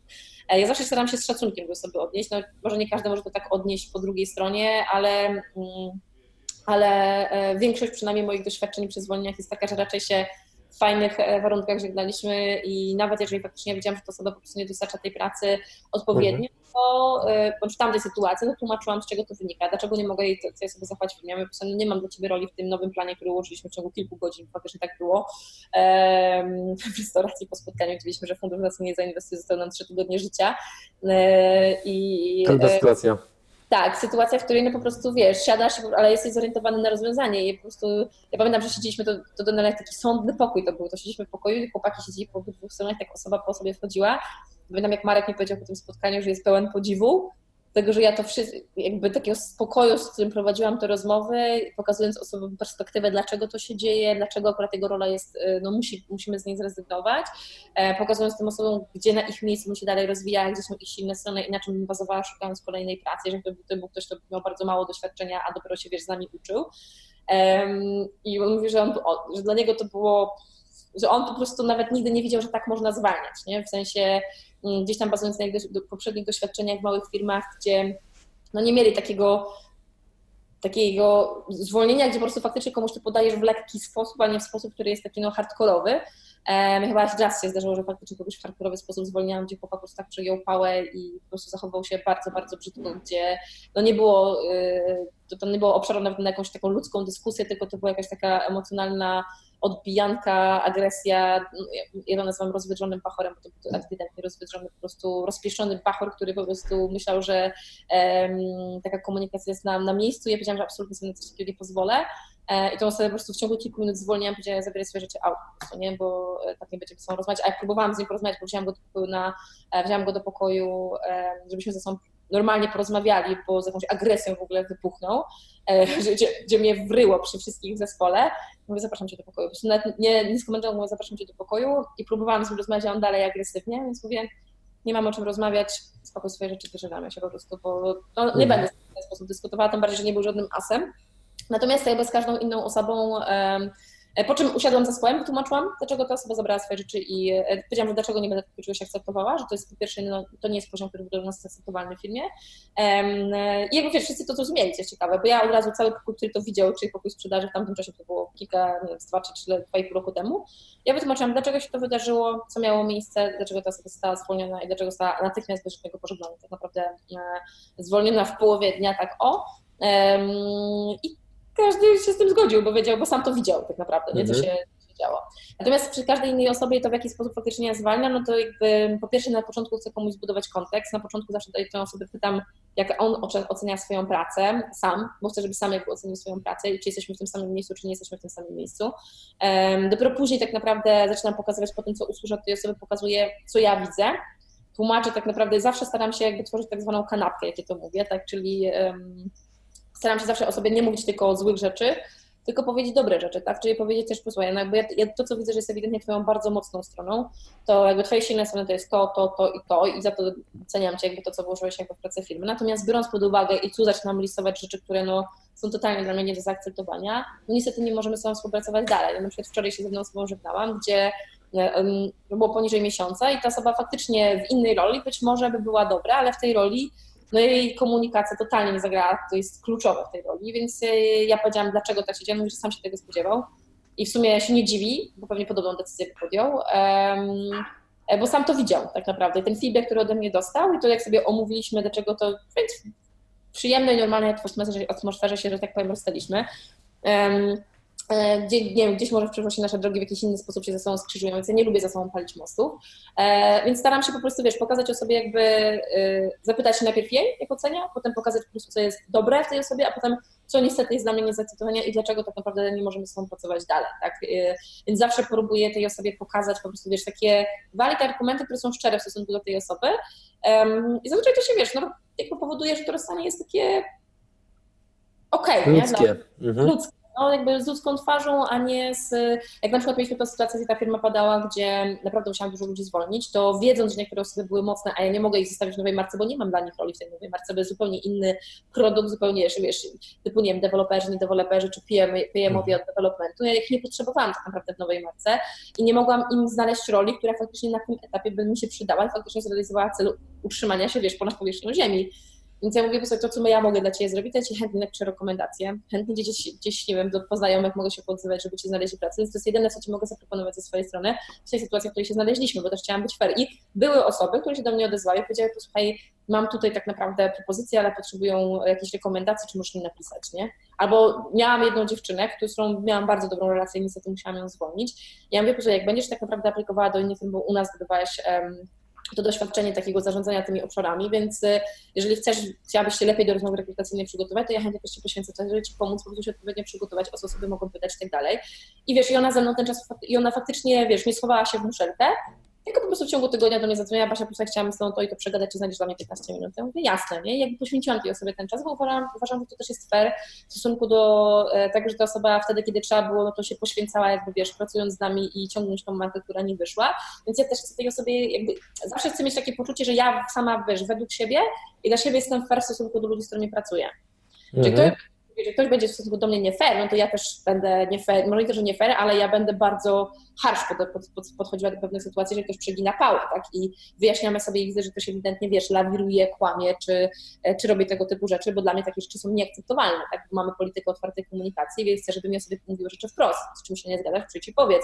Uważasz, że coś jest tak, przyjdź powiedz, ale jeżeli zaczynasz, wiesz, to raczej się u nas nie zdarza, ale jeżeli faktycznie by się zdarzyło, są jakieś tam, nie wiem, wyjątki, które się mogą gdzieś tam pojawić, no to, to ja też mogę być w takich sytuacjach bezwzględna, tak? Bo to już jest bycie bardzo mocno nie, nie fair w stosunku do ram, według których funkcjonujemy w firmie. Mhm. Dobrze, to idąc dalej, e, dzisiaj przed naszym wywiadem wstawiłem na Insta Stories taki tekst, powiedzmy sparafrazuję go, że Dzisiaj będę przeprowadzał wywiad z absolutnie fantastyczną kobietą, która w biznesie odnosi gigantyczne sukcesy, ale nie zdradziłem jakby do końca z kim. E, aczkolwiek no, prawdopodobnie jak wywiad skończymy, to pójdzie druga część, żeby właśnie tego rąbka tajemnicy uchylić. No i reakcja wielu osób była bardzo żywa w tym kierunku pozytywnym, ponieważ no, w tej chwili struktura jakby wywiadów na, w moim programie jest taka, że jednak no, dominują mężczyźni, co, jakby wynika jakby w dużym stopniu z tego, że no, głównie tak się podczyły moje losy, że głównie poznawałem mężczyzn przedsiębiorców, a drugie jakby no widzę, że po prostu statystyka jest nieubłagana i jednak kobiet działających w biznesie też już na powiedzmy odpowiednim poziomie, gdzie już coś przeżyły i mogą się tym podzielić powiedzmy potem właśnie na żywo w programie, no jest stosunkowo troszeczkę mniej. I teraz jakby to pytanie jest dwuczęściowe. Z jednej strony e, co Ty z perspektywy swojego doświadczenia możesz przekazać kobietom pod kątem odnalezienia się w ujmijmy to w cudzysłowie, trochę męskim świecie, a z drugiej strony, z racji ilości inicjatyw, które podejmujecie, projektów, które rozwijacie, w jaki sposób radzisz sobie z oceną innych ludzi, z odrzuceniem, z negatywnymi komentarzami, w tym ujęciu, że nawet ci przedsiębiorcy, których ty wymieniałaś z książek e, i tak dalej, to E, ja sam wielokrotnie się z tym spotkałem u innych, czy też u siebie, że jako przedsiębiorcy mamy ten taki pierwiastek, który nas pcha do tego, żebyśmy coś tworzyli, coś budowali. Natomiast no, często reakcja rynku, no, rzadko to jest konfetti, otwierany szampan i wypuszczane białe gołębie na nasz pomysł, tylko bardziej taka reakcja jest wycofana, że e, to się pewnie nie uda, nie przyjmie, to się nie sprzeda, ja wiem i tak dalej, więc przedsiębiorcy muszą sobie z tym się bardzo często zderzać. W jaki sposób Ty zarządzasz właśnie tym takim stanem braku wiary u innych ludzi w pomysł, ideę, którą ty chcesz wdrożyć. Tak, ja jestem trochę, e, nie, nie mówię, że jestem, wiesz, wszędzie torpedą i tak dalej, bo też miałam swoje słabe momenty, za chwilę o nich opowiem, natomiast um, ja jestem trochę takim człowiekiem, który e, bardzo mocno bazuje na tym, co tutaj jest i odrzuca po prostu um, wtedy, kiedy trzeba to, co jest zewnętrzne, żeby... Podam Ci przykład, jak mieliśmy Wolf Summit i w momencie, kiedy no ja sobie postawiłam za cel, że choćby nie wiem, co znajdę głównego sponsora, bo bez niego nie przeżyjemy i nie będziemy w stanie tego spiąć po prostu na tym etapie, kiedy w dwu, w dwa miesiące pierwszą edycję organizowaliśmy no i potrzebowaliśmy tego, żeby przeżyć. To był ten sponsor za milion złotych? E, nie będę mówiła za ile, bo to umowa mi na to nie pozwala, ale to nie był sponsor na milion złotych, to powiem, że nie. Bo ja twój film oglądałem po prostu, gdzie padła jakaś właśnie taka kwota sześciozerowa, stąd jakby moje pytanie, ale jeżeli nie to, to okej. Okay. Tak, to jest, e, więc no, mówię, nie mogę być, bo to było w umowie, więc nie, nie, nie, nie, nie, nie powinnam, ale, ale, ale powiedzmy sześć, sześć cyferek miała, tak, więc e, nie siedem, ale sześć. No i e, ja sobie e, postawiłam za cel, że go znajdę i naprawdę Była było pierwsza edycja? Tak, więc marka była nieznana, bardzo wiele było sceptycyzmu, o którym ty mówisz i wiele ludzi nam mówiło nie, wiele ludzi nam tak naprawdę mówiło, że um, się w głowę, jak to mam wyjść, to pogadamy, może w przyszłości. Było nawet bardzo mocno, powiem co było przykre e, i to doświadczyliśmy w obydwu markach, bo doświadczyliśmy tego również w Bloggers, że rynek był na tyle, ten ekosystem w jakiś sposób już funkcjonujący w Polsce był na tyle hermetyczny, że był bardzo dużym, dużymi naszymi przeciwnikami, nawet hejterami, można powiedzieć, takim dosyć ostrymi. Skąd oni się tu wzięli, co tutaj się rozpychają, myślą sobie, że tutaj mogą sobie, wiesz, się panoszyć, że tak powiem, em, w mocnym cudzysłowie. No i czy mnie to wkurzało? O Boże, wnerwiało mnie to jak nie wiem co. Jakby to, co ja sobie wewnętrznie mówiłam, to już nawet tego nie będę powtarzała, bo te epitety się tutaj nie, e, jakby nie, nie powinny pojawiać. Natomiast e, Marek, mój wspólnik jakby mówił, mówi Basia, ja wiedziałam, że ja się nie mogę dotykać mediów społecznościowych, bo bym wbiła tych ludzi w ziemię po prostu, nie? I to bym taki e, za, zareagowała, więc mówię, nie, nie mówcie mi tego, nie pokazujcie mi tego, e, ja po prostu robię swoje, nie? I mówię, ten, kto jest w stanie mentalnie to znieść, niech to znosi. Ja po prostu w tym momencie muszę być sfokusowana tylko i wyłącznie na to, że muszę zrealizować swój cel. I na przykład, i mimo, że tam słyszałam, bo i tak to słyszałam, to się pojawiało, to po prostu odcinałam to grubą krechą. Mówię, nawet o tym nie myśl, nawet o tym nie myśl, bo nie masz na to przestrzeni. Twój umysł nie pomoże sobie pozwolić na to, żeby, będzie, żeby cię ciągnął w dół. Jedyna rzecz, o której musisz teraz myśleć, to co musisz zrealizować. I wszyscy, łącznie z moimi wspólnikami, na pewnym momencie już nie wierzyli, że ja pozyskam tego głównego sponsora. Ja sobie tak to wbiłam do głowy, bo ja bardzo mocno, ja nie wierzę w takie pomyślenia, o wiesz, wiesz, tylko afirmuj, to się rzeczy wydarzają. Nie, rzeczy się nie wydarzają. Rzeczy się wydarzają wtedy, kiedy działasz i wierzysz, wierzysz w nie, to jest pierwsza rzecz, ale działasz zapierdzielasz tak naprawdę, żeby to zrealizować.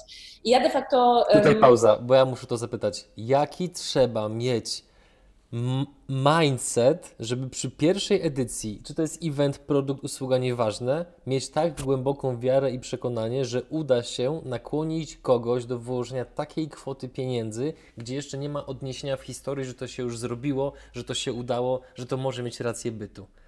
Skąd się, skąd się bierze ta, ta, ta, ta wiara? Czy to jest kwestia Twojego e, kosmicznego uroku osobistego, czy jakby czego? No bo to, to, bo to, jest, to jest aż nieprawdopodobne. Wiesz co, to jest jakby... Jest takie powiedzenie po angielsku swing or swim, czyli live or die, czyli wiesz, jakby w, em, albo zwyciężysz, albo giniesz, że tak powiem.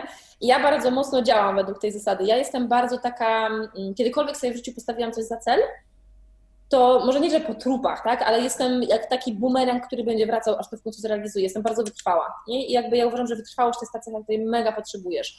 Um, Marek też czasem to powtarza, mówi, jak ty sobie coś weźmiesz za cel, coś wziąłem za cel, że będę miała, będę uczyła przedsiębiorców po angielsku i mój akcent nie jest idealny, czy popełniam jakieś tam, bo ja potrafię sprzedawać po angielsku, sprzedawałam na Stany i tak dalej, ale żeby uczyć to musi być to jeszcze na wyższym poziomie, nie mu- musi być bezbłędne i konsekwentnie codziennie dziewiąte wieczór mam angielski. Z rypana po dniu konsekwentnie dziewiąte wieczór codziennie mam angielski, tak? I gadam z Amerykaninem, żeby po prostu em, i żeby ten improvement był bardzo szybki, tak? Czyli żeby podnosił się te, bo stawiam to za cel i e, faktycznie ja jako osoba jestem bardzo ambitna, więc mam taką chorą ambicję czasami. Czasami to jest złe, czasami, ale jestem też typowym takim achieverem, czyli lubię osiągać rzeczy, tak? I jakby najbardziej mnie jara nie kasa, to tylko osiąganie kolejnych rzeczy, które sobie stawiam, że coś osiągnę.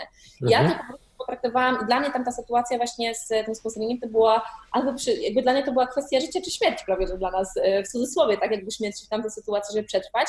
Więc ja w ogóle nawet jak, jak tylko moje, mi się myśli w głowie pojawiały, że, że go nie znajdę, to od razu miałam, wewnętrznie miałam taki, taki self-talk wewnętrzny, taki wiesz, do siebie mówiłam zamknij się po prostu, zamknij się i po prostu skup się na tym, nie? Jakby musiałam mieć taki bardzo, bardzo, jest taka książka um, Extreme Ownership, ona jest o, o liderstwie, to jest przez SEALS, The SEALS, gościa, który był w The SEALS napisana w tych, e, wiesz, jednostkach tam wojskowych Stanach i on, on, potrzeb, on pokazuje, nieważne czy się, nie wiem, mam imprezę dzień wcześniej, czwarta rano, codziennie wstaję, po prostu to jest, to jest tak zwany um, follow through i to jest coś, co po prostu, czyli takie um, robienie tego, do czego się sam zobligujesz i to jest jakby taka bardzo twarda konsekwencja, którą po prostu ty musisz na siebie narzucać. Jeżeli nie narzucasz na siebie konsekwencji w tym działaniu, to daleko w życiu nie zajdziesz, tak jest prawda.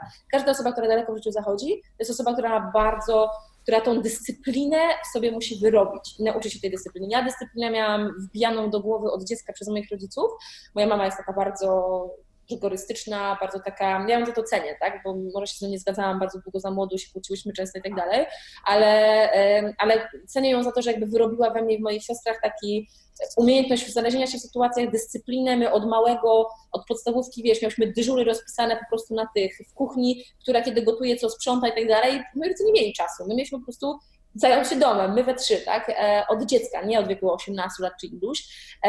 Ja w wakacje nie mogłam sobie pójść się bawić, a o 18 mogłam się spotkać z znajomymi, do 18 musiałam robić rzeczy, które sobie zaplanowali, co mam zrobić w domu na przykład, bo były remonty, bo były, nie wiem, jakieś, trzeba było zbierać jakieś owoce, czy wszystkie inne rzeczy, więc jakby takiej dyscypliny, której mnie jakby rodzice nauczyli, to jest coś, co na pewno jakby zwraca się w momencie, kiedy jesteś przedsiębiorcą, w momencie, kiedy musisz zbudować wewnątrz siebie taką wiarę, że da się coś zrealizować i konsekwentnie po prostu do tego dążysz. Więc e, patrząc na ten sponsoring, wracając do tego sedna, to to, co ja wtedy po prostu powiedziałam, jak do mnie ktokolwiek przychodził, albo na tych chłopaki coś mi tam przemycali, czy na pewno ci się udają, mówię, nawet nie chcę tego słyszeć. Ja po prostu jak byłam jak taki robot, to mówię, nawet nie chcę tego słyszeć, nawet, nawet nie zadawaj mi tego pytania. Mówię, ja tą osobę w końcu znajdę. I szłam po prostu marka po marce, marka po marce, marka po marce. Mówię, gdzieś tam jest ta osoba, jest to mega mocno wierzę, ja tylko muszę zrobić swoją robotę, żeby do tej marki dojść. I doszłam. Która to była próba? E, o matko boska, dziesiątki, dziesiątki, jak nie wiem, czy nie powyżej setki, jeżeli chodzi o marki, które sobie wyli... na pewno setki miałam na liście, ale te, które oceniałam jako potencjał, że faktycznie mogą mieć ten mhm. potencjał, no to było tam ich e, dziesiątki, więc tam 50 100, już teraz nie pamiętam ile, ile ich tam było, bo to było już tam wiesz, lat kilka mhm. temu, e, ale to naprawdę jakby każde kolejne nie, to ja po prostu jedyne, co w głowie miałam, każdy kolejny nie zbliża mnie do, do tak, każdy kolejny nie zbliża do tak, zaraz do tego dojdę. To jest jedyny sposób myślenia, który w głowie mogłam mieć, bo jeżeli tylko wpuszczasz do swojej głowy powątpiewanie, to jesteś dany. Bo zaczynasz, mhm. bo twój mózg zaczyna racjonalizować to, że ci się to nie uda, zamiast racjonalizować to, że ci się to uda. Mhm. Kiedyś słyszałem takie powiedzenie, że w każdej, że niezależnie jaka to jest biznesowa sytuacja, to w biznesie piękne jest to, że wystarczy mieć rację raz. Nieważne, czy to jest 33 próba, czy 78, to nikt potem Cię nie będzie rozliczał z tego, że no, tyle, ileś tam osób powiedzmy odprawiło Cię z kwitkiem, tylko że udało się zdobyć tego powiedzmy jednego klienta, partnera, sponsora, nieważne. Natomiast e, jakby drążąc trochę ten temat, w jaki sposób konstruuje się propozycje wartości, jak się to komunikuje, żeby kogoś przekonać do wyłożenia tak dużej sumy pieniędzy na coś nieistniejącego jeszcze? Sprzedać wizję, wiesz, musisz sprzedać wizję, naprawdę. To jest, i moim zdaniem umiejętności sprzedażowe na tym poziomie, po pierwsze ty musisz mieć mega dużą wiarę, ty, bo ludzie to czują, tak, jeżeli ty w coś mega, mega wierzysz, po drugie muszą być fakty za tym po prostu, czyli musisz mieć to tak opakowane argumentami, że i, tak, i tak sprzedajesz, nie możesz, są sprzedawcy, którzy sprzedają odtąd datąd na faktach, bazując na jakichś tam liczbach, na historii, na social proof, dowodzie społecznym, etc. Nie, nie, I to jest większość sprzedawców. są to słowa. Super sprzedawca e, to jest mhm. sprzedawca, który, e, e, który faktycznie jest sprzedawcą, który potrafi sprzedać wizję, kiedy jeszcze tego nie ma. I, I tutaj tak naprawdę to, co ja musiałam zrobić, to ja musiałam nadbudować tak naprawdę mm, to, jak to będzie wyglądało, kto za tym stoi. Musiałam zbudować cały taki, wiesz, taki obraz tym osobom, jakie to jest super, że nie może ich tam zabraknąć tak naprawdę. Plus oczywiście, wiesz, materiały graficzne, to co wysyłałam, teasery, e, strona internetowa mówiły za siebie, bo one były porządnie przygotowane i one wyglądały profesjonalnie, do tego stopnia, że ludzie nas pytali, e, skąd my tą markę do Polski ściągnęliśmy. Jakby mieliśmy takie pytania na pierwszym zdarzeniu i my tak, co? No, komplement. Ale dlaczego, nie? I jakby, a to ileś osób o to zapytało, ale dlaczego tak myślicie? No byliśmy mega zdziwieni, bo dlaczego tak myślicie? No bo wiesz, taki fajny, fajna grafika, fajna nazwa, tarara, a to tak naprawdę było, było nasze, nie? Więc jakby e, na pewno to w jakiś tam stopniu zagrało, ale samo to by nie sprzedało, gdyby nie było zbudowania tak naprawdę tego wizji i takiej mega pewności w siebie, po prostu nie może was tam nie być, nie? Ja po prostu sprzedawałam tym ludziom wizję. Więc, więc tak, to y, w dużym skrócie już mhm. y, nie rozdrabniając się. A wracając jeszcze do Twojego y, pierwszego pytania, które zadajesz, czyli pytania, które dotyczyło um, odrzucenia i tak dalej. Odrzucenia jeszcze wcześniej, jeżeli chodzi o kobiety, bo ja myślę, że to jest Aha, bardzo. Tak, tak, tak, tak, tak. Tak, już mimo, że jestem wielowątkowa, to pamiętam, że to jest ważne w sprzedaży. Niesamowite. Um, więc um, tak naprawdę biorąc pod uwagę e, kobiety, to e, uważam i sama to też miałam i sama musiałam tą pewność u siebie zbudować. My jako kobiety, czyli powiedzmy jako gatunek nazwijmy to, tak, tak brzydko powiem, ale myślę, że dobrze mnie zrozumiecie przepraszam, że ktoś się czuje urażony, ale e, mężczyźni z kobiety, wy mężczyźni zazwyczaj są takie zdjęcia latające gdzieś tam po sieci, tak, mężczyzna grubszy patrzy na siebie lusterko, widzi sześciopak, a z drugiej strony masz kobietę, która jest zarąbistą laską, stoi przed lusterkiem i widzi się po prostu, wiesz, widzisz tą laskę i patrzysz na lusterko, że widzi po prostu grubą babę, brzydko mówiąc, nie? Nie obrażając naprawdę kobiet, które są bardziej przytusze, bo mogą być mega seksowne kobiety, które są bardziej przytusze, Chodzi ale... o metaforę, jasne. Chodzi o metaforę, tak? Więc um, i, i, i, i biorąc pod uwagę to ten obraz, który tam jest pokazywany, realnie nasze mózgi tak funkcjonują. I to jest czysta psychologia. I biorąc pod uwagę to, że my jako kobiety bardzo mocno zaniżamy swoją wartość, często zrobimy coś super. Ja nawet widziałam, ja nawet jeszcze w firmach ostatnich, w której pracowałam, gdzie przyszłam po jakiejś tam mm, no jakichś tam wzgórkach i wzlotach personalnych, bo dwa razy wcześniej byłam zaręczona, zanim wyszłam za Piotrka i tak dalej, z innymi mężczyznami i tak dalej, były jakieś rozstania, miałam bardzo niski poziom e, poczucia własnej wartości, bo sytuacja personalna mocno mi, że tak powiem, dała po tyłku. E, I ja przychodzę do tej firmy, do Proktera, pamiętam, wtedy to było tuż po tych moich e, różnych dziwnych hopskach i przyszłam do tej firmy, miałam bardzo mocno zaniżoną pewność siebie. I ja wszystko, co się działo, ludzie mnie chwalili za robotę, którą robię, a ja tak, nie, no ale to jest tam, wiesz, przecież to jest tam taki to jest takie przecież normalne, tak? I to, że ktoś cię chwali, ale tego kobieta nie odbierasz, kurde, super zrobiłam, powinna być z siebie dumna, tylko po prostu zaniżasz, zaniżasz to, że zrobiłaś po prostu super, super rzecz i zamiast się za to docenić i powiedzieć sobie well done, po prostu dobra robota, nie? Jakby iść dalej do przodu, to sobie myślisz, nie, to przecież to jest nic, tak. ta pewność siebie, po prostu, którą kobiety muszą e, zbudować w sobie, to jest dwa razy więcej wysiłku, które kobieta musi włożyć bardzo często w stosunku do tego, jak to ma, jak to ma mężczyzna. Um, I um, ja uważam, że tak naprawdę to, na czym kobiety, szczególnie jeżeli mają taki sposób myślenia i jeszcze życie nie pozwoliło im wy, e, zbudować silnej pewności siebie, powinny nad tym pracować. Ja przyszłam przez masę książek, przyszłam przez masę jakichś szkoleń, ale, ale nawet nie to, to samo, samo czytanie czy książki nic ci nie dadzą, dopóki nie zaczniesz siebie um, rzucać sobie wyzwań. Czyli powiedzieć sobie głupią rzecz, nie wiem, idź stań na środku sklepu, zacznij śpiewać. Głupia rzecz, nie? Zrób coś, co wydaje ci się głupie zobacz, czy ludzie w ogóle zwracają na to uwagę. I w ogóle, czy powinien się przejmować oceną innych ludzi? Może ktoś się nagra, może ktoś zrobi zdjęcie, no i co? Śpiewałaś w sklepie? Kiedyś szłam, robiłam różne dziwne rzeczy, naprawdę. E, w, robiłam różne dziwne rzeczy, które powodowały, że ja na przykład nie mam problemu, wiesz, sto, zobacz, stoisz w kolejce na przykład w sklepie, jak na targu robię zakupy, bo lubię tam wszystko świeże i tak dalej, ale powiedzmy, że stoisz w, w w, w kolejce w jakimś tam spożywczym e, i stoją ludzie i większość ludzi się do siebie nie odzywa, nie? Większość ludzi do siebie nawet nie zagada, bo że to jest dziwne i głupie i w ogóle, nie? A ja mam taki nawyk, nie wiem, w, może inny przykład podam, stoję w restauracji, w łazience i wpada jakaś kobieta, tam się maluje, ja wyszłam z aplikacji, też tam myję ręce i tak czuję, że zarąbiście pachnie, nie? I e, mówię, co że cię zapytam, ale od razu na ty jak to. Ja mówię, co że cię zapytam, ale masz mega perfum, co są za perfumy w ogóle, nie? I po prostu od razu zaczynam pytać, zaczynam rozmawiać z tą osobą. I to jest takie naturalne, że po prostu z tą osobą rozmawiasz, nie czujesz się dziwnie, głupio, że mi nie wypada tej osoby zapytać. Jest taka bardzo duża otwartość w komunikacji, która jest związana z pewnością siebie. Jeżeli na przykład sobie przypomnę siebie naście lat temu, jak siedziałam na pierwszych spotkaniach pracując w firmie BMW Polska, gdzie były zjazdy kwartalne osób z Monachium, które przyjeżdżały, mojego dyrektora i ja jako taka tam dziewczynka, która się uczyła wtedy jeszcze wiele, siedziałam i jak zadawało mi się pytanie, to robiłam się czerwona, e, bo taką miałam pewność sobie, tak, tak było i mogę się do tego śmiało przyznać.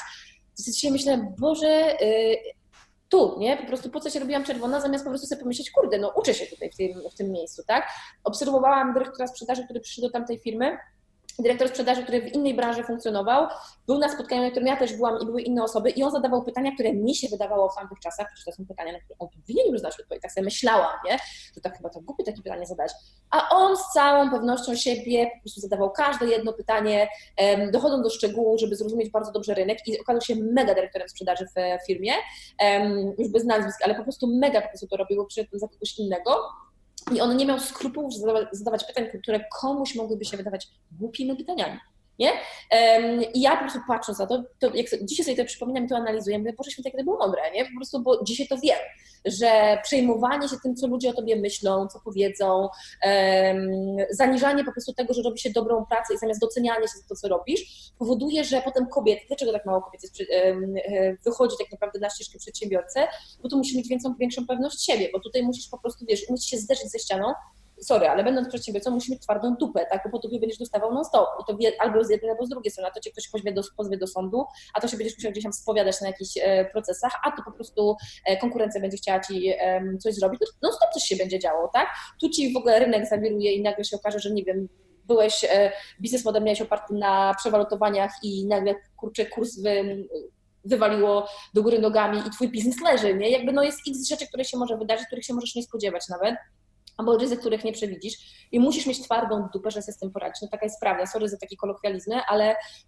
no musisz, tak? I będąc taką kobietą, która wiesz, no tej pewności siebie w sobie jeszcze nie zbuduje i nie, i nie jest twarda, gdzie, gdzie my jako kobiety, co jest ciekawe, wewnętrznie bardzo często jesteśmy twardsze, tylko na zewnątrz mamy taką percepcję tego, że, inne, e, że inni nas źle postrzegają i się bardzo przejmujemy tym, co ktoś, coś i nie doceniamy tej pracy, którą robimy. Ja się nauczyłam w życiu też, że um, ja pamiętam, jak przebiegłam swój pierwszy maraton w życiu, go przebiegłam i nawet nikomu nie powiedziałam, poszłam sama na ten maraton, swoimi znajomi wpadli, kupiłam wtedy mieszkanie, dwa dni przed się przeprowadzałam, e, wpadli moja, wpadła jakaś tam siostra coś do mieszkania, co ty taka zmęczona, nie? A ja mówię, no, bo tam maraton biegłam, nie? Więc e, takie, no, jak sobie myślę o tym, zamiast powiedzieć pochwalić się tutaj, bach, wiesz, żeby ktoś się docenił, to to jest takie, no, głupie strasznie w naszych, w naszych mhm. e, głowach jako kobiet i często ktoś musi w jakiś sposób nam pokazać, e, mm, docenić nas za to, dlatego tak ważne jest docenianie, żebyśmy zaczęły budować e, swoją własną wartość, która jest e, często mega duża.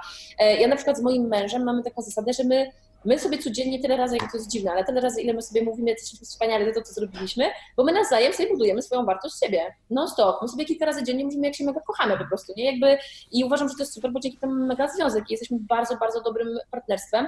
E, on ode mnie minimum, kurde, pięć razy dziennie słyszy, że go kocham. Minimum pięć razy dziennie, naprawdę. Ja jak widzę, zrobi coś dobrego, to mówię, Boże, jak jesteś super, jak jesteś inteligentny, ja, ja, ja mu słodzę, tak ktoś mi powiedział, że to jest słodzenie, ale ja wiem, że każdy z nas, ludzi, potrzebuje tak naprawdę e, potwierdzenia z boku, że robimy dobrą robotę, ale przede wszystkim musimy zacząć sami od siebie też, żeby siebie doceniać za pracę, którą robimy i szczególnie kobiety tego potrzebują, naprawdę, bo um, często siebie nie doceniają i przez to potem jest taka sytuacja, bo zgadzam się z Tobą, że jest więcej przedsiębiorców mężczyzn niż kobiet, bo na przykład widzę sytuację, która ma miejsce um, u mnie, w, y, gdzie na przykład, nie wiem, warsztaty czy konferencje robię dla przedsiębiorców, to jak ostatnio, no kobiet, nie wiem, może z 10% na sali.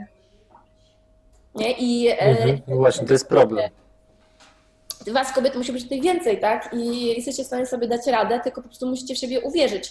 I też taki proces na przykład e, dziękowania sobie za tą robotę, którą się robi, czyli doceniania się. Codziennie jest taki nawyk, też się tego nauczyłam, czytałam to w różnych książkach, ileś razy to usłyszałam od kogoś na jakichś tam szkoleniach i, e, i tego nie robiłam, a w końcu jak zaczęłam to robić, czyli na przykład poświęć, poświęć 5 minut dziennie i na koniec dnia, zamiast sobie mówić, Boże, tego nie zrobiłam, a szczególnie ja z moją osobowością, czy osoby z takimi osobowościami, którzy są osobami achieverami tak zwanymi, czyli muszą coś cały czas osiągać.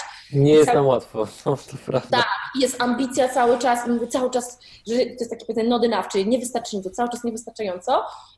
Ja mówię, zamiast mówić sobie, że jest niewystarczająco, na koniec dnia usiądź i powiedz sobie, się pochwal za to, co zrobiłeś. Pochwal się, że wstałeś na czas, pochwal się za takie głupie rzeczy, pochwal się, że zrobiłeś jakąś rzecz X, tak? I skup się na tym, co było dobre, a nie na tym, co było złe, bo zupełnie z inną energią idziesz spać, dużo spokojniej śpisz, zupełnie inną energią się budzisz tak naprawdę, tak, bo to jest bez porównania, tylko musisz zacząć się doceniać, potrzebujesz wracać zacząć dla siebie robić, a nie dawać sobie po głowie kołkiem, że cały czas coś jest źle. Mm. Um, więc, więc to, um, czyli zainteresowałaś kobietę, a potem zapytałeś mnie... Um, o odrzucenie i tego typu sprawy. Tak, dokładnie. Więc jeżeli chodzi o odrzucenie i odmowę, to trochę już to zaadresowałam w wcześniejszej wypowiedzi, e, jak robiliśmy tak naprawdę w Budując Wolfsa, tak samo było w Sybloges, gdzie też była jakaś taka śmietanka, która była bardzo mocno przeciwko nam i e, szczególnie, że to jest event dla influencerów, więc możesz się domyślić, że takiego hejterstwa było bardzo dużo e, w sieci. E, I na przykład też jak, jak zaczęłam, zaczęliśmy budować tą markę edukacyjną, gdzie ja zaczęłam publikować pierwsze filmiki, taką, ja nazywam ich onetowi komentujące, tak, czyli to są takie bullshity, które ludzie wpisują pod filmikami, bo nie wiem, ja, ja po prostu świadomie to wiem, że to są osoby, które mają problem same ze sobą, nie? Jakby, e, i, wręcz nawet jest mi szkoda tych ludzi, że mają tak bezwartościowe życie, życie że zamiast skupić się na sobie, to po prostu nie mają nic innego lepszego do roboty, tylko mają taką gorycz w sobie, że po prostu wylewają ten jad e, na zewnątrz. Co innego, jeżeli ktoś daje merytoryczne, e, pod, pod, poddaje dyskusji merytoryczne argumenty. Takie coś mhm. doceniam to doceniam, jeżeli ktoś się z tą nie zgadza, ale jest to merytoryczne, ma inny punkt widzenia, bądź fajnie. Dla mnie to nie jest hejterstwo, dla mnie to jest po prostu um, ok i się zgadzam z, z, tego typu komentarzami. Natomiast jeżeli to jest takie, wiesz, takie wy, wy, wyrzucanie jadu, czy tak jak czasami się słyszy takie historie, przez chwilę bardzo słyszałam takie historie, że komuś się życzy, żeby dzieci mu poginęły, no to tutaj, nie? Jakby w głowę trzeba się bawić. słyszałem to tutaj, to tutaj e, takie takiego czegoś po prostu totalnie nie respektuję. E, ja sobie tak samo w sprzedaży, zawsze moim zespołowi sprzedaży powtarzam, że jeżeli trafi ci się ktoś, kto nie wiem, ma złodziej i się na ciebie drze czy coś, to zawsze sobie pomyśl, Boże, jak mi jest szkoda tego człowieka, jakie on musi mieć przekichane życie.